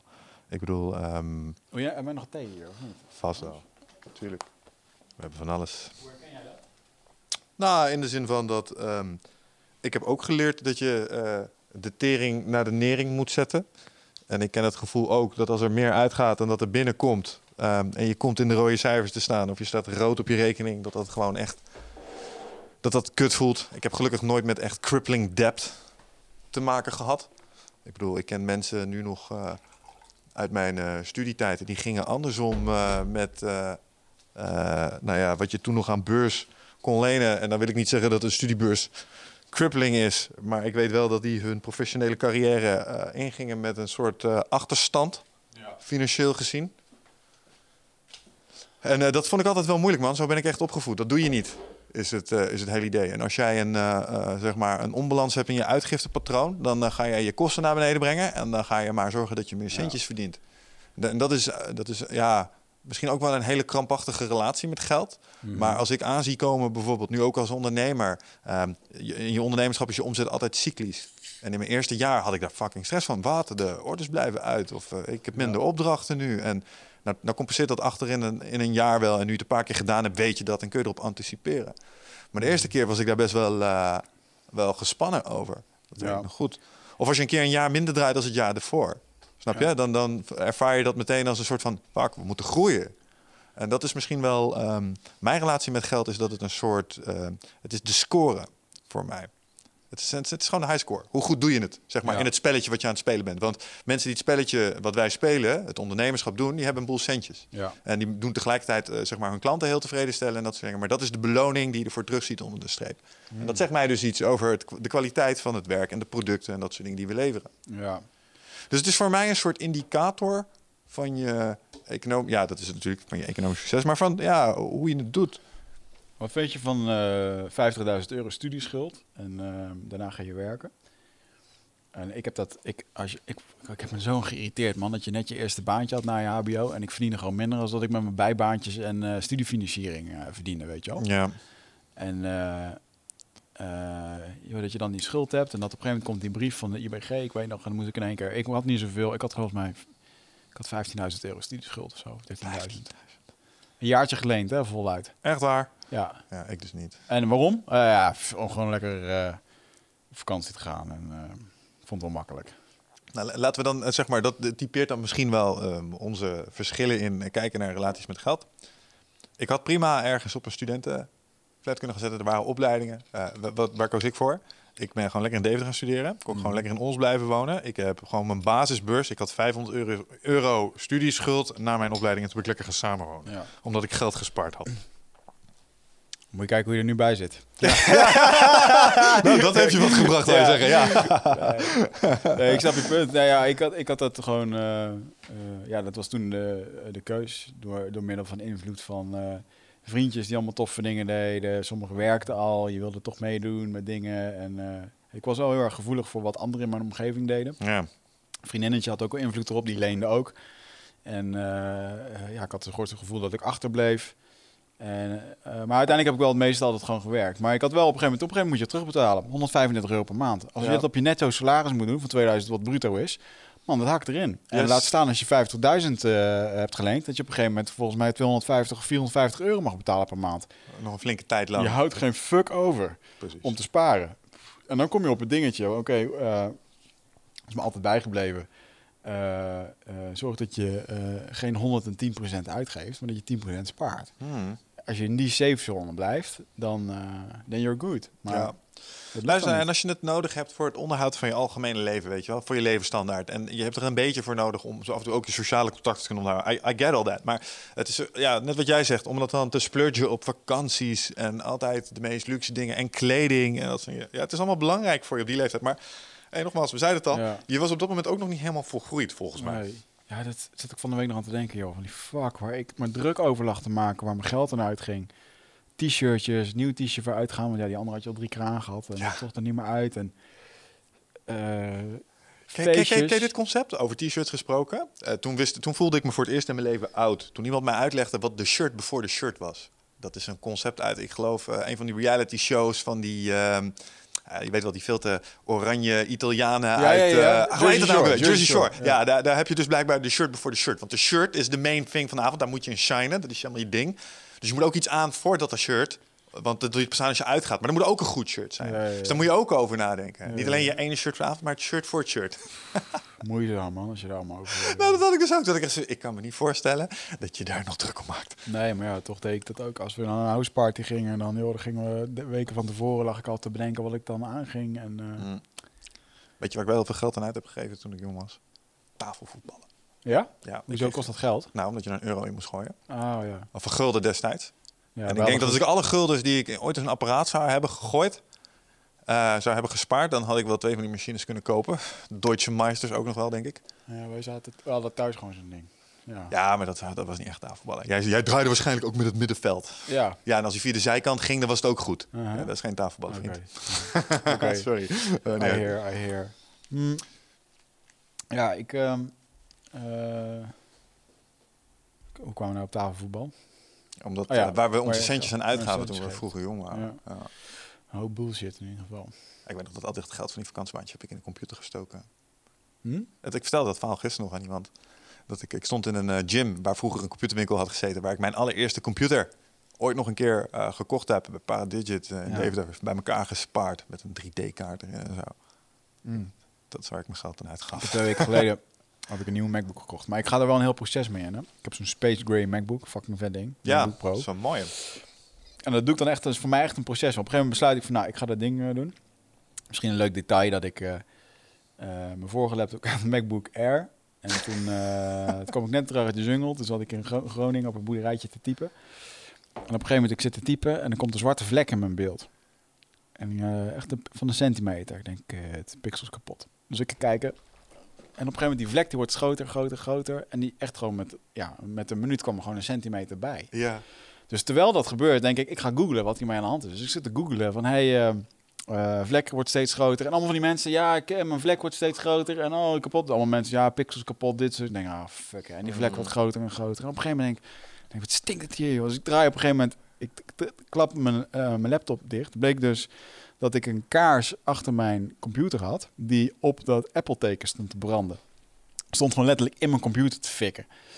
En ehm, ja, uiteindelijk was het een vlek, die is wel weer weggetrokken. Maar ik had wel een soort lichtgevende flits eh, ding in mijn beeld. Het Dus, zag er niet uit, man. Kon ik niet mee, eh, Onwerkbaar. www.watbenjedan.nl ja, I don't know. Dus, eh, maar dat is een wekenproces, man. Dan ga ik lekker naar die winkel toe, ga ik lekker Ja. kijken, hou ik hem een keer vast. Dan kijk ik een keertje, ja, eh, kost toch weer wat geld. En dan uiteindelijk maak ik gewoon de beslissing. En dan maak ik daar een lekkere donderdag voor vrij. En ga ik lekker zo'n computer halen, weet je Mhm. wel. Helemaal relaxed.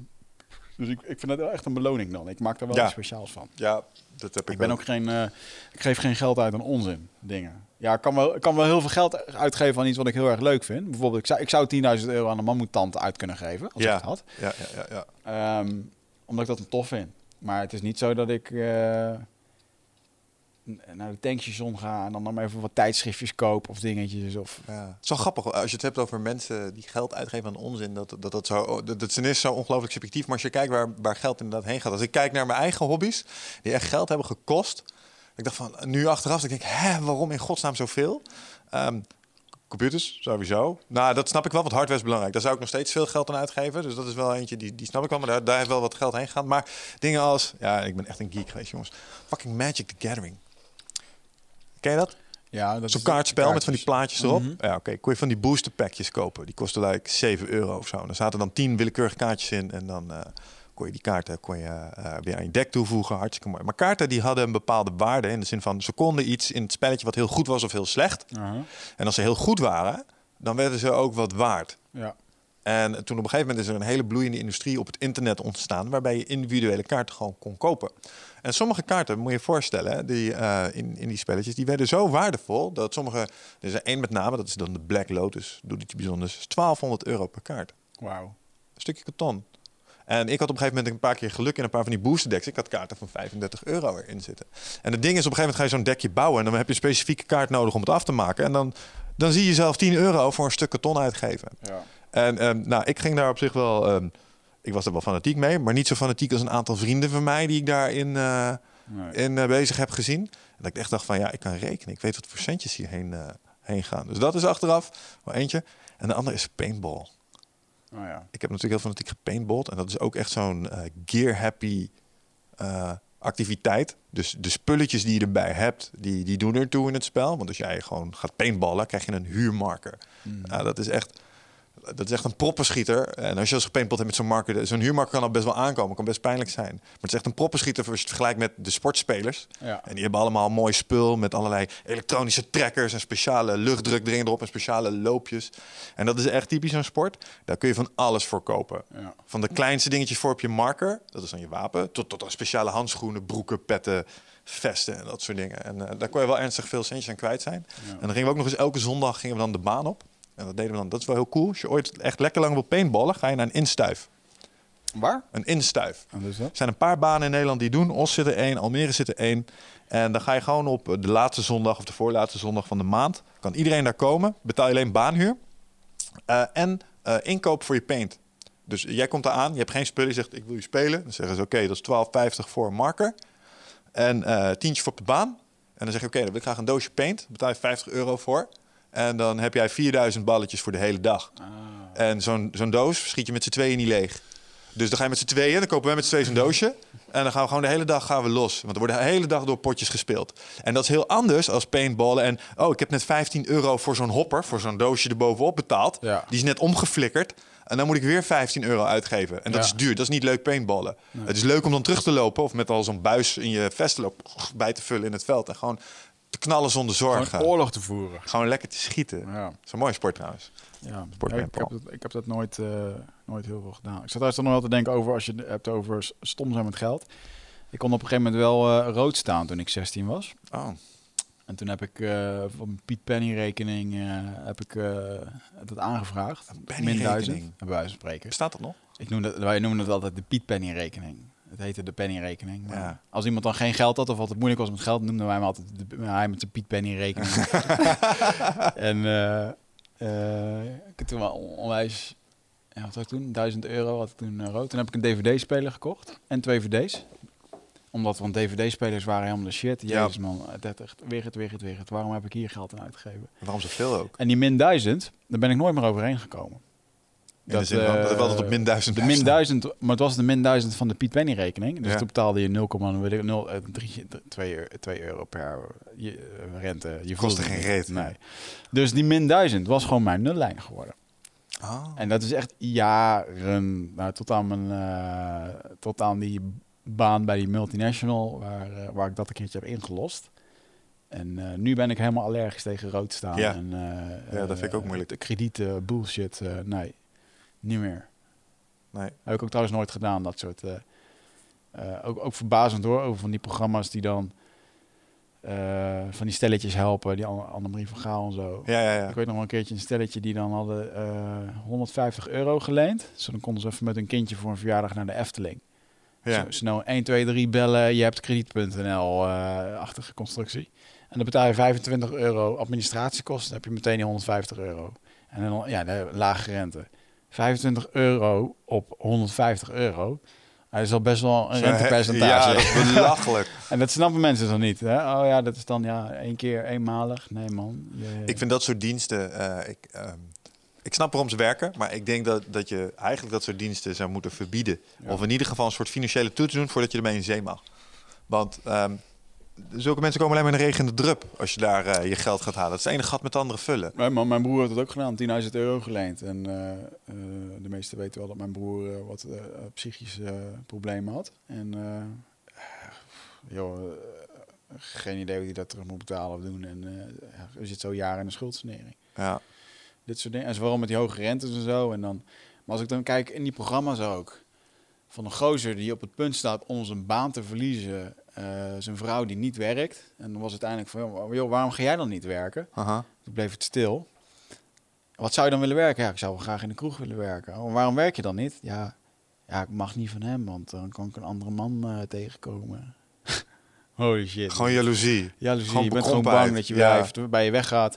En zelf eh, zit je gewoon al... maar eigenlijk zit je zelf... Je bent zo ongelukkig met jezelf... eh, dat je op de, je, je, baan gaat... Je gaat je baan verliezen, je verdient niet genoeg geld. Je kan niet voor je gezin zorgen. Je voelt jezelf eigenlijk gewoon zo ontzettend kut... dat je weet dat als je vrouw ergens in de kroeg staat te werken... en wel iemand tegenkomt die zich daar wel fijn voelt... potentieel die vrouw weg kan halen bij. Ja, weet je? Dat is gewoon heel die gedachtegang die daarin meegaat. Het lijkt me vreselijk om zo over jezelf te moeten denken, jongen. Ja, ik heb trouwens wel, ik zet naar mijn camera te kijken. Ik zie er echt goed uit met deze achtergrond. ik Ja, zou ik ook over mezelf ik- zeggen. Deze achtergrond eh, ziet er erg goed uit. Want, eh, ik heb een soort lampje achter me. En, eh, Ja, nee, het is wel even de context is de volgende. We hadden de laatste, voorlaatste podcast hadden we gezegd. Ik weet trouwens niet of deze direct daarna uitkomt, want dan is twee keer alleen Wi- Mission en Wirret. Maar hadden we gezegd, het is de laatste keer met die achtergrond. Dus we hebben er straks even een mooi papiertje achterweg gaan. ander dingetje. Vind ik ook een mooie. Als het om gaat om geld. Ehm, mensen kunnen hele rare dingen doen omtrent geld. Ik moet even het verhaal terughalen, wat het nou precies was. Maar dit is echt een ding, jongen. Ehm, ja, dan weet ik het volgens mij helder. Iemand had eh, een nieuwe CD, een nieuwe CD-speler, wisselaar of ding nodig. Bij wijze van spreken, stel je Ja, ja. voor. Ehm, ik zeg, joh Mick, ik heb een, een nieuwe CD-speler nodig. Ik heb dat gezien op Marktplaats. Wil jij dat voor mij regelen? Zoiets was het verhaal geweest. Mhm. Jij koopt vervolgens een of ander eh, elektronisch ding van Sony. En zegt, hey Wigert, ik heb hem voor jou gekocht. Hier heb je hem. Ja, ik ben blij. Nou, top. Hey, beste vrienden, dingen en dat. Vervolgens gaat hij kapot. Mhm. Kan, op Marktplaats gekocht. Dus die gozer belt op van, hey, ik heb die, eh, dat ding voor jou gekocht. Maar hij is kapot. Hoe kan dat? Jongen komt langs. En die zegt gewoon, deze is helemaal niet van mij. En we gaan vervolgens op onderzoek uit. En het blijkt gewoon dat jij het ding wat gekocht is op Marktplaats... heb je voor jezelf gehouden. En je hebt die van jou, de oude, aan mij gegeven. Ja. Oh. Met de wetenschap dat, eh, dat jij daardoor een nieuwere, betere had. En Wigert weet het toch niet. En gewoon goede vrienden van elkaar. Hè? Oh shit. Dit verhaal heb ik ooit een keer gehoord van iemand. Ik weet niet van wie. Maar dat, en, en dan gewoon voor een paar honderd... Voor die, voor die vijf tientjes, weet ik ja, veel wat. maar dude, je had het net over erfenissen en zo, hè? Ehm, als het om geld gaat, Hmm. ja, dan worden mensen echt raar, jongen. Eh, wij hebben best wel eens... eh, bij de familie viel het wel mee. Maar ik heb wel eens van dichtbij gezien dat het in, eh, in families echt aanging... Ja. omdat er gezeik was om de erfenis. Ja. Ik heb, een- ik heb het overlijden van mijn moeder meegemaakt. Daar hebben we ook erfenis hadden we mee te maken. En ik kan me niet voorstellen dat mijn zusje en ik elkaar nooit meer zouden spreken omdat zij bijvoorbeeld zou vinden dat eh, de auto van mama zoveel waard was. En dat zij daar dus ook nog zoveel van zou moeten krijgen. Want jij had die auto mogen hebben. Weet je, dit zijn, dit zijn dingen die gebeuren. In ja, hier gaan families kapot op hoor. en dat ik echt denk van, ik, kan- ik kan het me niet voorstellen. Dat, want ik zou dat, dat is het met dat geld gewoon niet waard. Weet je, dan zeg ik, ja, houd die auto alsjeblieft. Als jij daar stress van hebt, doe je ding. Ehm, maar voor sommige mensen is dat spul dus zo belangrijk dat ze dus bereid zijn om ten oorlog te gaan, zeg maar, met hun naaste geliefde familie, om er iets meer van te hebben. En zich dan, en ik stel me dan altijd voor hoe dat dan gaat als het dan achter de rug is. Hè? Het is zondagavond, de ruzie is geweest, je hebt dat geld op je rekening staan. Zit je dan echt zo, nou, dat heb ik, eh, heb ik mooi voor elkaar, hè? Want eh, ja, ze probeerden me een oor aan te naaien of zo. Weet je wel, zoiets Ja. stel ik me dan voor. Dan, dan zit je in jezelf, In je slachtofferrol. ik snap dat niet. Je voelt jezelf zielig of denkt dat je tekort komt. Het is een hele, ah, het, is een hele, het is ook een hele grappige hierin. Ehm, wat is de eh, psycho- psychologische crux? En ik zou dit bijvoorbeeld als een keertje met een, met een, eh, eh, met een Jan Geurts willen bespreken over hoe hij erover denkt. Maar ook met een, hoe heet hij nou, Mark, Mark van Vught. Het fenomeen voordringen. Waarom dringt iemand voor? Sommige Oh, mensen hebben dat, hè? die onwijze drang. Is dat een, een soort ding dat je, niet dat je niet belangrijk genoeg gevonden wordt? Of dat je... Ik eerst. Het is ik eerst. Ja? Ja, het is een ik eerst mentaliteit. Het is een angst om tekort te komen. Ja. Ik de- weet je waar je mij mee over de zij krijgt als je dit zegt, voordringen? Als we bij, ik ben- met de OV gegaan. Ik word nu nog pissig als ik aan denk. Als je bij mij bij de trein staat en je staat naast mij, achter mij... en je gaat voordringen, zodat jij een beter plekje hebt. Ja, ja, ja, ja. ja. Dan ben ik in staat om je gewoon daar ter plekke gewoon out te choken. daar kan ik niet tegen. Zeker niet als je ook nog mij aan de kant duwt. Of misschien zelfs wel drinken uit mijn hand duwt. Dat is wel eens gebeurd. Ja, ja, ja. Snap je? Ik snap het niet. Je kan gewoon rustig even wachten. Je kwam net iets later. Jammer joh. Maar er zijn mensen die zijn zo bang dat zij minder krijgen of niet genoeg. Of eh, de, een mild ongemak moeten doorstaan, Ja, zeg maar. De urgentie dat ze. Wat is de urgentie dat je bij een bakkerij staat waar tien mensen staan en je gewoon fucking scheid hebt aan die tien mensen en gewoon het probeert. Ja. En waarbij tien mensen, waarvan er zeven die kijken en die denken van nou, Ik ga er niet moeilijk over doen. Ja. Maar als je weer het op een goede dag hebt. Ik zat gi- gisteren gebeurde mij nog op Schiphol. Drong ook iemand voor. En toen, eh, kan ik gelukkig zeggen dat ik daarin ben gegroeid. Maar er ging even in mij door van, oké. dit is het moment, eh, dat was een mooi bijgeluid trouwens, op mijn flesje. Ehm, dit is het moment waarbij ik echt gewoon nu even lekker had willen zeggen van, hey gast, wat denk je ervan? En dan. Wat doe je? Dan, ja, wat doe je? Fuck, ga gewoon terug het raam staan, weet je. En ja, je wint er helemaal niks mee. Maar het is wel even lekker fucking lekker om gewoon even, Even je te laten even te laten gelden, ja. Dat is grappig dat je dat zegt, want dat herken ik wel, dat spanningsveld. Dat je een soort onrecht ziet. Wie denk jij dat je bent, Ja, en motherfucker? ik ga wel even Ja. vertellen aan jou dat. En, en omdat je die dynamiek niet wil, zeg je niks. Ja, maar, het is, hij, Maar eigenlijk moet je er wat van zeggen, vind ik. ja, maar deze meneer die denkt zo erg aan zichzelf... waardoor jij je niet gerespecteerd voelt... en voelt dat je moet zeggen, Ja. motherfucker... je gaat nu achteraan die rij zitten, anders trap ik je daar naar achter. Juist. En dat, dat is dan ook weer de volgende stap, dat je dat dan gaat dreigen van...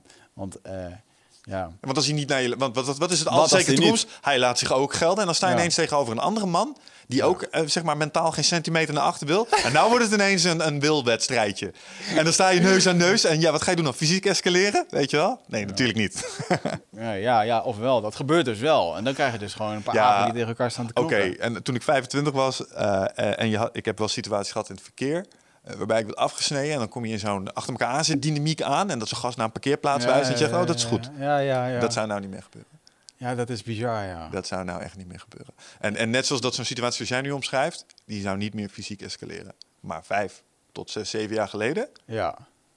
Dan, dan, dan, weet, dan was het niet eens ver gekomen. Dan had mijn vriendin waarschijnlijk al naast me gestaan, mijn hand zo vastgehouden, zo van, doe me niet, schatje. Speet van niet. Ja. Weet je wel, dat we, we- altijd zeker. En eigenlijk als ik terugkijk waarom ik het zou hebben gedaan, precies om wat jij zegt, omdat ik me gedisrespecteerd zou voelen. Ja. Dus hij, hij ziet mij niet voor vol aan en daarom denkt hij dat hij dit kan doen. Ja. Maar hij moet mij voor vol aanzien. Dus ik ga er nu voor zorgen dat hij me serieus neemt. ja, eigenlijk respecteer je jezelf dus niet, want anders hoef je dat niet te vinden. Want je hebt het eigenlijk helemaal niet nodig wat hij ervan vindt. Dus zo wat? Nee. Weet Dus je wel? gewoon- je, zit, je zit gewoon ongemakkelijk met jezelf. En dan, eh, ja.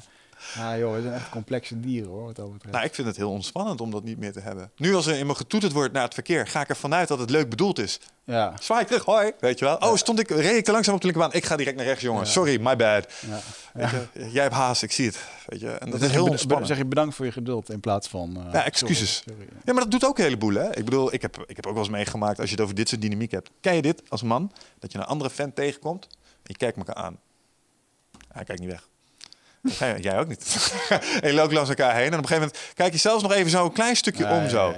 En dan wordt er wel of wordt er niets gezegd. Ja. Ja, en dat zijn situaties waarbij ik in het verleden, iets jonger, ook wel eens in, eh, nou ja, iets, iets minder leuke dynamieken met mensen ben gaan komen. Ja. Maar het is verbazingwekkend hoe makkelijk zo'n eh, zo'n moment, zo'n spanningsmoment te verbreken is met een glimlach. Als goed. Of eh, als een gastje vraagt, hey, wat kijk je nou man? Vette schoenen. Ik vroeg me af waar je ze gehaald had. Hele Ja. situatie draait om en Ja. het is gewoon oké. Maar als jij Ja, gaat mee, je, dat is gewoon Als klaar. jij op je borst gaat kloppen als een gorilla, dan gaat de ander ook eh, gorilla inderdaad. Spiegelneuronen, Ja. dat is een ding. ehm we're complicated. Ja, klopt. Hoe kwam je op? I don't know. Iets met geldingdrang en geld of zo. Oh nee, de, de, de psychologie van vorderingen. Dat was het. eh. Voordringen, ja. Ja. is een mooi, eh, een mooi fenomeen inderdaad. En ja. niet tekort willen komen, dat was. Ja, en dat geld, erfenissen, dat soort dingen. Mm. Dat, nee, eh, mm. Ja, ik denk dat dat echt een stukje, ehm, en daar hebben we het meer over gehad, maar dat is echt nog een stukje hardware van vroeger, man. Dat is echt evolutionaire bagage. Tekortkomen. Tekortkomen, schaarste. ja. Weten, weten dat er ook tijden zijn dat er geen eten is. Jouw lichaam, eh, daar hebben we het ook wel meer over gehad. Waarom slaat je lichaam vet op? Omdat het ervan uitgaat dat het soms niet is. Mhm. That, that's it, snap je? En, en, dat, en, en denken dat dat niets doet met je psyche, Ja. Ja, dat vind ik ook nog wel een goeie. Als je gaat over tekortkomen, van eh, heb je... Zelfs ik, hè, ik in mijn situatie bij, waarbij ik echt geen geld had. Mhm. Heb je echt helemaal geen geld? Heb je echt helemaal niks meer? Kan je nergens meer op terugvallen? Yo, ik heb familie, ik heb vrienden, ik heb dingen. Ja. Eh, Mensen die elkaar hebben. Kijk, en maar dat is inderdaad dat stukje van, eh, van mensen die dan zeggen... ja, ik heb geen geld. Nee, maar je gaat wel op vrijdagavond eh, dingen doen of wat eten of, eh of Daarom. En, en zelfs als er echt armoede is. Kijk, ik heb best wel geluk gehad met het nest waar ik uit ben gekomen. Maar ik heb een, een jaar lang bij mijn vriendin, bij haar moeder in huis gezeten. In de transitie naar het samenwonen. Eh, toen het echt heel slecht ging met mijn moeders alcoholisme en mij in huis, zeg maar. Wij Ja. konden op 19-jarige leeftijd kon je Michel en zijn alcoholistische moeder niet in huis zetten. Dat Nee. werd oorlog. Dus heb ik een tijdje bekken uit geweest. En toen heb ik bij die mensen in huis mogen wonen. Maar haar, haar moeder was ook verpleegkundige, had ook geen voltijdsalaris, twee opgroeiende kinderen, alleenstaand ook. En die hadden soms echt eh, dan... En dan ben je 19 en heb je honger. En dan ben je in de groei. En je bent gewend dat er thuis altijd brood is, altijd alles. En dan sta je ineens naar een lege koelkast te kijken. Ja. Waar alleen een potje mayo staat. Ja, wil je anders een broodje mayo? The fuck, gast. Maar als je broodje mayo één keer hebt gehad, denk je, ja, was nou zo... Nee. En het wordt met liefde voor je gemaakt. En die mensen hebben toch nog lol met elkaar, weet je wel. Ja. En als er dan geld was en er werd wat lekkers gehaald... Motherfucker, patatje gyros. Nog nooit zo lekker geweest, weet je wel. En je waardeert het ook meer. Ja. En ik wil niet weten wat voor stress die moeder achter de scherm heeft gehad. Want ik was te jong om dat te zien en te waarderen. Maar tegelijkertijd heb ik wel gezien dat je met, als je slim met je centjes omgaat, dat je er best wel iets van kan maken. Ja. En dat kleine dingen plots een feestmaal kunnen worden. Dus eh, Ja. Eigenlijk waar ik heel graag naar kijk, is naar, als ik kijk naar mijn moeder, wat echt een, eh, die is ambtenaar geweest eh, bij natuurbeheer. hmm, Ehm, ja, gewoon ambtenaren, salaris en dingen, maar gewoon eh, heel erg opgevoed met in de familie dat je inderdaad moet beleggen, dat je moet sparen. En, Mhm. eh, hey, die maakt zich echt niet druk nu hoor. En eh, die heeft gewoon een average baan gehad. En was wel hoog opgeleid, maar hey, als je ambtenaar wordt, dan is er een max gewoon. mhm. En eh ja, dus nu lekker met pensioen en heeft gewoon de zaken goed voor elkaar. Eh, door heel veel te sparen, door zuinig te zijn, door niet te doen. En eh, ja, gezond financieel beleid te voeren. Ja. Het, is, eh, het was vroeger heel gebruikelijk om, om tenminste 100.000 euro te sparen als zijnde een gezin. Mm, Dat is een soort norm. ja. En ik, nou ja, ik kan niet bij iedereen in de portemonnee kijken, maar ik denk dat een boel van mijn leeftijdsgenoten moeite hebben om zoveel spaargeld bij elkaar te leggen. ja, ik zat er laatst aan te denken. Nu zijn we natuurlijk lekker bezig met die ayahuasca-ceremonies te organiseren. Mensen moeten drie maanden of drie dagen aanwezig zijn, kosten 500 euro. En eh, ik geef helemaal niet veel uit. Aan mijn e- ik geef geld uit aan eten, biologisch eten en zo, en maar eigenlijk verder helemaal niks. En dus voor mij zijn dit soort dingen, ja, ga ik een keertje naar een seminar voor 500 euro of doe een keer dit of zo. Dus, Ja. is heel normaal. Maar eh, ja, we hadden het erover, inderdaad. Gewoon even 500 euro extra. Dat is voor sommige mensen een vakantie van ja, jaar, man, dat is echt gewoon, eh, dat kan niet. Nee. Nee, en eh, dat is. ehm, ja, tegelijkertijd snap ik misschien ook wel dat daar zo af en toe dan dat soort opmerkingen of dat spanningsveld vandaan komt met mensen die dan naar je lezing naar je toe komen. Die, die wel zien dat enerzijds een soort. eh, ja, het, het is medicijn, weet je wel. Het ligt in het verschiet. Alleen, fuck, er zit een prijskaartje aan. En ja, nou is het ineens commercieel of zo. En eh, dat voelt misschien een beetje wrang, omdat je er wel heel graag. Maar jij kan het echt niet missen op dat moment. Nee. En, en da- da- da- daar raak je wel weer de relatie van bijvoorbeeld die meneer die die heeft met geld. Want hoe komt het dat hij in die situatie is gekomen? Maar ja. ik snap dat het zich desondanks op die manier soms dan eh, manifesteert. ja. Ah, Ja. Dit is sowieso maar een tijdelijk verhaal, jongen, nog. Dit, deze stress waar we het nu over hebben. Ik geloof Zeker. dat echt. Hoe bedoel je dat? Nou, we zouden hier vandaag zitten. Ja, twee. we zouden hier vandaag eigenlijk zitten met Jury van Geest. Oh, en een van de dingen die, we op, die ik op papier had staan om met hem over te praten. Daar heb die ik toen ook met Janneke over. Hij geld aan ons gaf. Nou, bijna basisinkomen. Ja. Over niet al te lange tijd gaan jij en ik waarschijnlijk, dat is het idee, Krijgen we 1000 euro. krijgen 2.000, 3.000 euro. Waar het vandaan komt, ja, de, de surplus die eh, de grote machine die onze economie heet nu genereert. Hè, door automatisering en dat soort dingen zou dat uit moeten kunnen. Nou, daar hadden we een hele podcast over willen hebben. Maar dat hele monetaire systeem zoals we het nu eigenlijk ook kennen, Mm. het zou maar zo kunnen zijn dat dat over nu en niet al te lange tijd eh, in een compleet andere vorm dan misschien wel, maar veel minder belangrijk is als, als dat het nu is. En dat voor een heleboel mensen die stress waar we het over hebben van schaarste, eh, dat die gewoon aanzienlijk minder is. Aan de andere kant vraag ik me af wat er gebeurt als je mensen die nu al in de zorg zitten 2000 euro per maand erbij geeft, of dat hun probleem oplost. Nee, want eh, eh,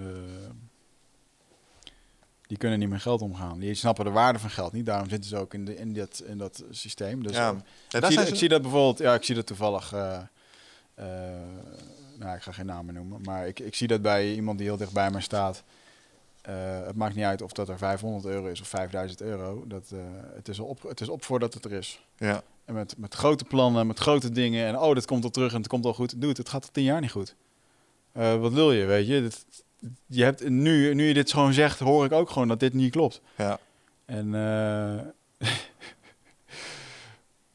ja, nee, ik ga dit voorbeeld niet noemen. Het is wel een, het is wel een hilarisch voorbeeld. Maar, Beter van niet. nee, nee. Oké. eh, maar in ieder geval gewoon, gewoon niet goed in kunnen schatten. Hè, dat eh, n- niet nadenken over een bedrijf. Of over een, dan doe ik dit wel eventjes. Want die, die zegt dat hij zoveel per uur verkoopt en zoveel doet. Doe het, maak even een rekensom. Dit. Eh, ik, ik kan het wel ergens. Het ging over eh, ijs verkopen. Oké. Dat was een goede handel. Ja.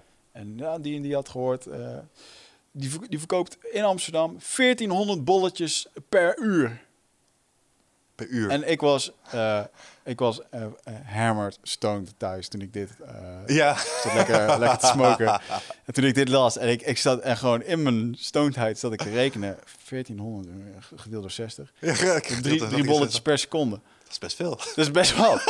dus ik echt gewoon doe het. ja, ik heb het even uit zitten rekenen voor je, maar het, is gewoon, het gaat gewoon niet werken, weet je wel. Waar heb je het over? En dan krijg je gewoon een appje terug. Ja, dat is niet waar, want er zijn ook, er zijn ook scholen die in één keer heel veel ijsjes kopen. Ja, oké. Ja, eh, true. ja, Gemiddeld maar genomen per misschien uur. Kom op zeg. Drie eh, bolletjes ijs per seconde per uur en dat een aantal uur achter elkaar. Het, is gewoon, het slaat gewoon helemaal nergens op. Het is geen berekening, weet je wel. Nee, nou, en, dat, en dat sluit aan, denk ik, bij. ehm, als het gaat over die dingen waar we nu over hebben. Het is, een- het is een podcast over geld geworden. Maar ehm, als, als het hebt over geld, ook daar is het eigenlijk net zoals met dingen als persoonlijk leiderschap. Het is allemaal gezond boerenverstand, man. Want dit soort dingen kun je gewoon, als je ehm, even de verantwoordelijkheid neemt, Hmm. Kun je in een uur met Excel of met een, hè, een, een- Ja. of, of eh, gewoon een, een calculator, kun jij een paar redelijke dingen op papier zetten. En, en de crux is hier redelijk. Want dat is ook een valkuil die ik zie. Net Dat wat je zegt, dat overenthousiasme komt wel. Gaat wel verkopen. Ja. Heb je al één verkocht? Nee. We hebben het dan over. Zou, zou je niet eens kijken of je eerst tien mensen kunt vinden die het kunnen kopen? En als die ja hebben gezegd, dan zou je eventueel iets kunnen doen. Ja. En omgekeerd geldt hetzelfde voor... ehm, ja, ik, eh, ik hou geen geld over. Nou, wat jij al zei. Heb je al eens op een rijtje gezet wat er binnenkomt? Ja. Heb je al op een rijtje gezet wat er uitgaat? Heb je erover nagedacht hoe je meer kan verdienen? Ja, en als, er dan inderdaad, als je dan inderdaad ziet dat daar iemand op de bank zit... en die kan geld verdienen. Al is het maar Uberen, man.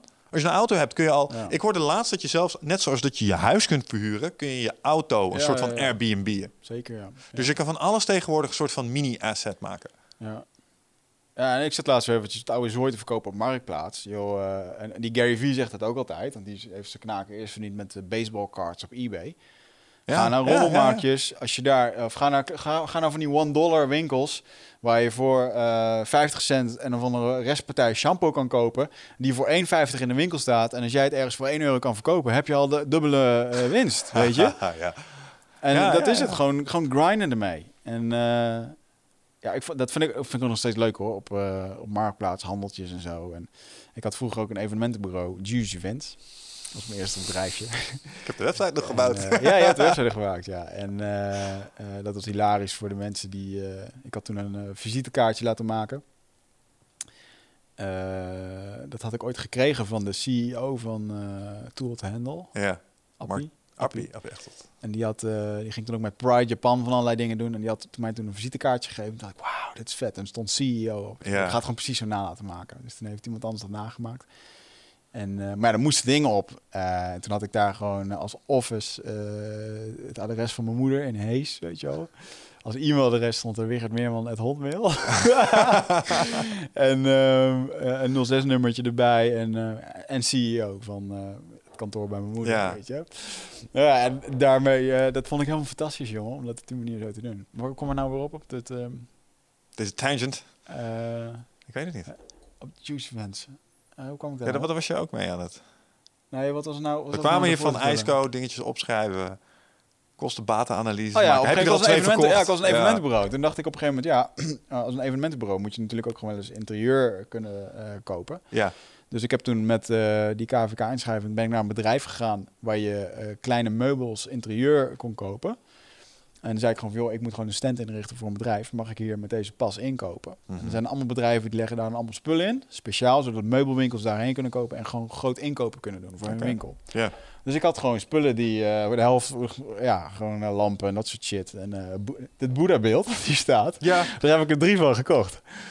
Voor 60 euro. Ik gewoon verkocht op Marktplaats voor 150 euro, weet je. Maar dan, Ja, ging, maar- dan reed ik dus gewoon... Terwijl ik, dit was het, dit is het mooiste. Terwijl ik een ton per jaar verdiende, reed ik nog naar, eh, met mijn Audi'tje, hup, daar naartoe. Dan haalde ik drie van die Boeddha-beelden, omdat ik het gewoon... Ik vond het lachen, man, dat handelen via Marktplaats. Ja, maar dat, dan, dan merk je ook dat daar, eh, zeg maar, het, het, eh, het ging niet eens waarschijnlijk om het centjes. Het is het leuk vinden om, Ja. zeg maar, aan het systeem iets te onttrekken door het soort een spelletje ervan te maken. Ja, handeltjes. Ja, ja, handeltjes. Dat is ook leuk. Ja, en, eh, en ook van die, eh, van die, van die witte eh, lampen of eh, plantenbakken die dan Mhm. licht gaven en zo. Ah, van ja. Elho was dat, een of ander duur merk. En die kocht ik dan daarop en dan, eh, joh, dan reed ik gewoon... mensen kwamen dat gewoon halen van Heijn, ver af. Nou, ik Ja. vijf tientjes of tientjes. Ja. Ja, maar het is hoe Nutrofit gestart is, jongen. Hè? Het is hoe Nutrofit gestart is in Ja. principe. Ja. ja, weet je nog hoe dat die eerste bestelling ging? Dat was Nou ja. ook een grap, jongen. Dat jij toen wel even een websiteje zou bouwen. Mixfight hebben we toen vanuit Mixfight nog gedaan. Ja, op een of ander adres wat niet eens echt... Een, had nog geen domeinnaam en zo ook, volgens mij nog. Hm? Stond dat, stond dat echt op nutrifit.nl al? Nog niet volgens We hadden mij. Nutrofit.nl hadden we geclaimd. We wisten dat we iets met supplementen wilden doen. Ik had Mixfight.nl als een platform, zeg maar, waar we Ja. potentieel wel iets aan promotie konden doen en dat soort dingen. Dus dat, eh, dat, dat hielp allemaal wel. Ja. Maar hoe we in eerste instantie erbij zijn gekomen, zoals ik het verhaal aan vaak vertel, is dat wij wilden Alpha Brain hebben. Ja. En hosselaars als we waren, eh, vonden we 50 euro per potje vonden we te duur, want verzendkosten. Dus Ja. hey, als jij er naar 10 koopt en ik koop er 10, verkopen we er ieders 5 op de gym. En dan, eh, kun je, dan kun je iets goedkoper die potjes krijgen. ja. Met als gevolg dat ze bij Onne dachten, oh, die gaan vast een winkeltje openen. En wij dus de resellerlijst eh, kregen. En we dachten, hey, Ja. wij kunnen rekenen, zeg maar. Hier, hier zit gewoon een, een solide businessmodel achter. Ja. Eh, hier kunnen we samen, iets wat we altijd al wilden, hier kunnen we samen iets starten. Mm.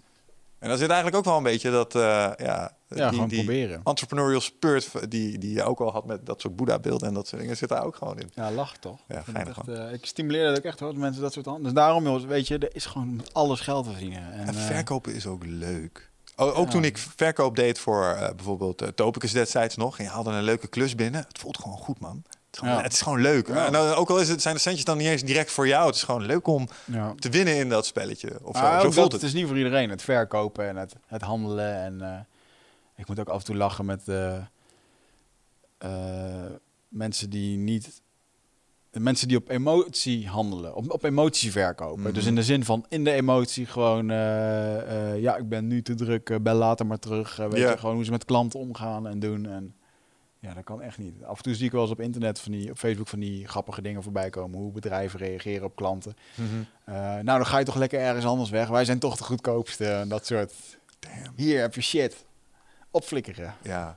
Ja, maar uiteindelijk zijn dat ook niet de bedrijven. Het zijn de mensen die in die bedrijven werken. Die waarschijnlijk ook in een situatie zitten waarbij ze het gevoel krijgen dat ze te weinig betaald krijgen voor de shit die ze alle dagen over hun kop heen krijgen. Snap je wat ik bedoel? Ja. Maar eens, want niet iedereen is eh, gebouwd voor het hele eh, salesproces. Maar het valt me wel op dat mensen die ehm, in sales zitten, die vinden het ook aanzienlijk makkelijker om over centjes te praten. En Ja. eh, dan kom je toch weer terug op dat thema dat mensen het hele onderdeel. je gaat weer. ja die van mij oh, dat is die van mij nu. Mijn loopt nu vol. Serieus? Hij geeft nu een knippertje. En dan ben je nu eh, uit. Nu ben ik uit. Dan gaan we hem afronden. We gaan afronden. Oké. Het was een goeie, denk ik. Goeie man. Money. Over money, centjes. money. Oké. eh, hebben we nog dingen die we willen melden aan eh, onze kinders? Ja, ik heb er nog één. Daar hadden we eigenlijk mee moeten beginnen. Maar wat ik nog even wil doen is even een korte plug voor Niels. Weet je nog? Niels, ons, de host van onze vorige studio. Ah. Wij hebben hiervoor natuurlijk in Ja. Deventer gezeten, in een heel mooi schoolgebouw. En wij zijn daar geholpen door Niels. En eh, Niels, eh, dat was heel mooi. Toen wij daar eh, begonnen met onze opnames, begon Niels net met een heel mooi project. En dat was het, het starten van een game. Hij is een zelfstandig ontwikkelaar. In die studio is hij gestart met vier andere mensen. En zij hebben heel hard gewerkt aan een, een eh matchem game, zeg maar. Mhm. Zoals jij dat kent van eh, Candy Crush en dat dingen. Maar ze hebben er een paar nieuwe concepten in verwerkt. Ik heb het eh, veel gespeeld de laatste tijd. Maar het is inmiddels dus uit. En ik had Niels plechtig beloofd dat zodra het uit was... dat we dat in ieder geval even aan iedereen hier zouden laten weten. En als je dat leuk vindt, kun je het vinden in de iStore, of in de iTunes Store... Hmm. en in de Android Store. Het spelletje heet Freezem. Freedom, ja. Freeze hem en uh, het zijn, zijn ijsjes uh, wegspelen tegen elkaar. En wat het leukste hieraan is, en dat heeft Candy Crush niet, is dat het multiplayer is. Dus jij en ik kunnen het tegen elkaar spelen. En als ja. ik iets doe, zeg maar, uh, en ik scoor veel punten, dan kan ik jou daar potentieel mee uh, voor ja. de voeten lopen. En uh, ik moet zeggen, we zitten in zo'n vriendengroepje. En iedereen die speelt dat natuurlijk, omdat we ook willen dat het wat wordt, spelen we in die vriendengroepjes. En dat levert af en toe al wel onderlinge WhatsAppjes op. Zo van, hé, hey, veilig tegenleider, doe dat eens niet. Wel, het is een goed concept en... Het is wel grappig, want we hebben daar wel, ja, we hebben er twee jaar aan een zijlijn iedere week een beetje meegekregen hoe dat, dat ging, de ontwikkeling van ja. het spel. En als je... petje af. Uh, Jazeker. zelf in softwareontwikkeling. Ik ga mijn handen er niet meer aan branden hoor. Want ik ben... Software. Ja, ja. Niet not my cup of tea, maar holy shit. Ja. Het ziet er cool uit. Ja, ja nou dat met name. Met name toen ik begon en ik zag de eerste versies, dacht ik, hmm, nou ja, als je hier dan uh, zeg maar de competitie mee tegemoet moet gaan treden, wordt het zwaar. Maar die laatste versies die ze maakten, de, de, de graphics en het geluid, zit ook echt mooie muziek bij. Super cool. De gast die onze mixer hier heeft ingericht, mm.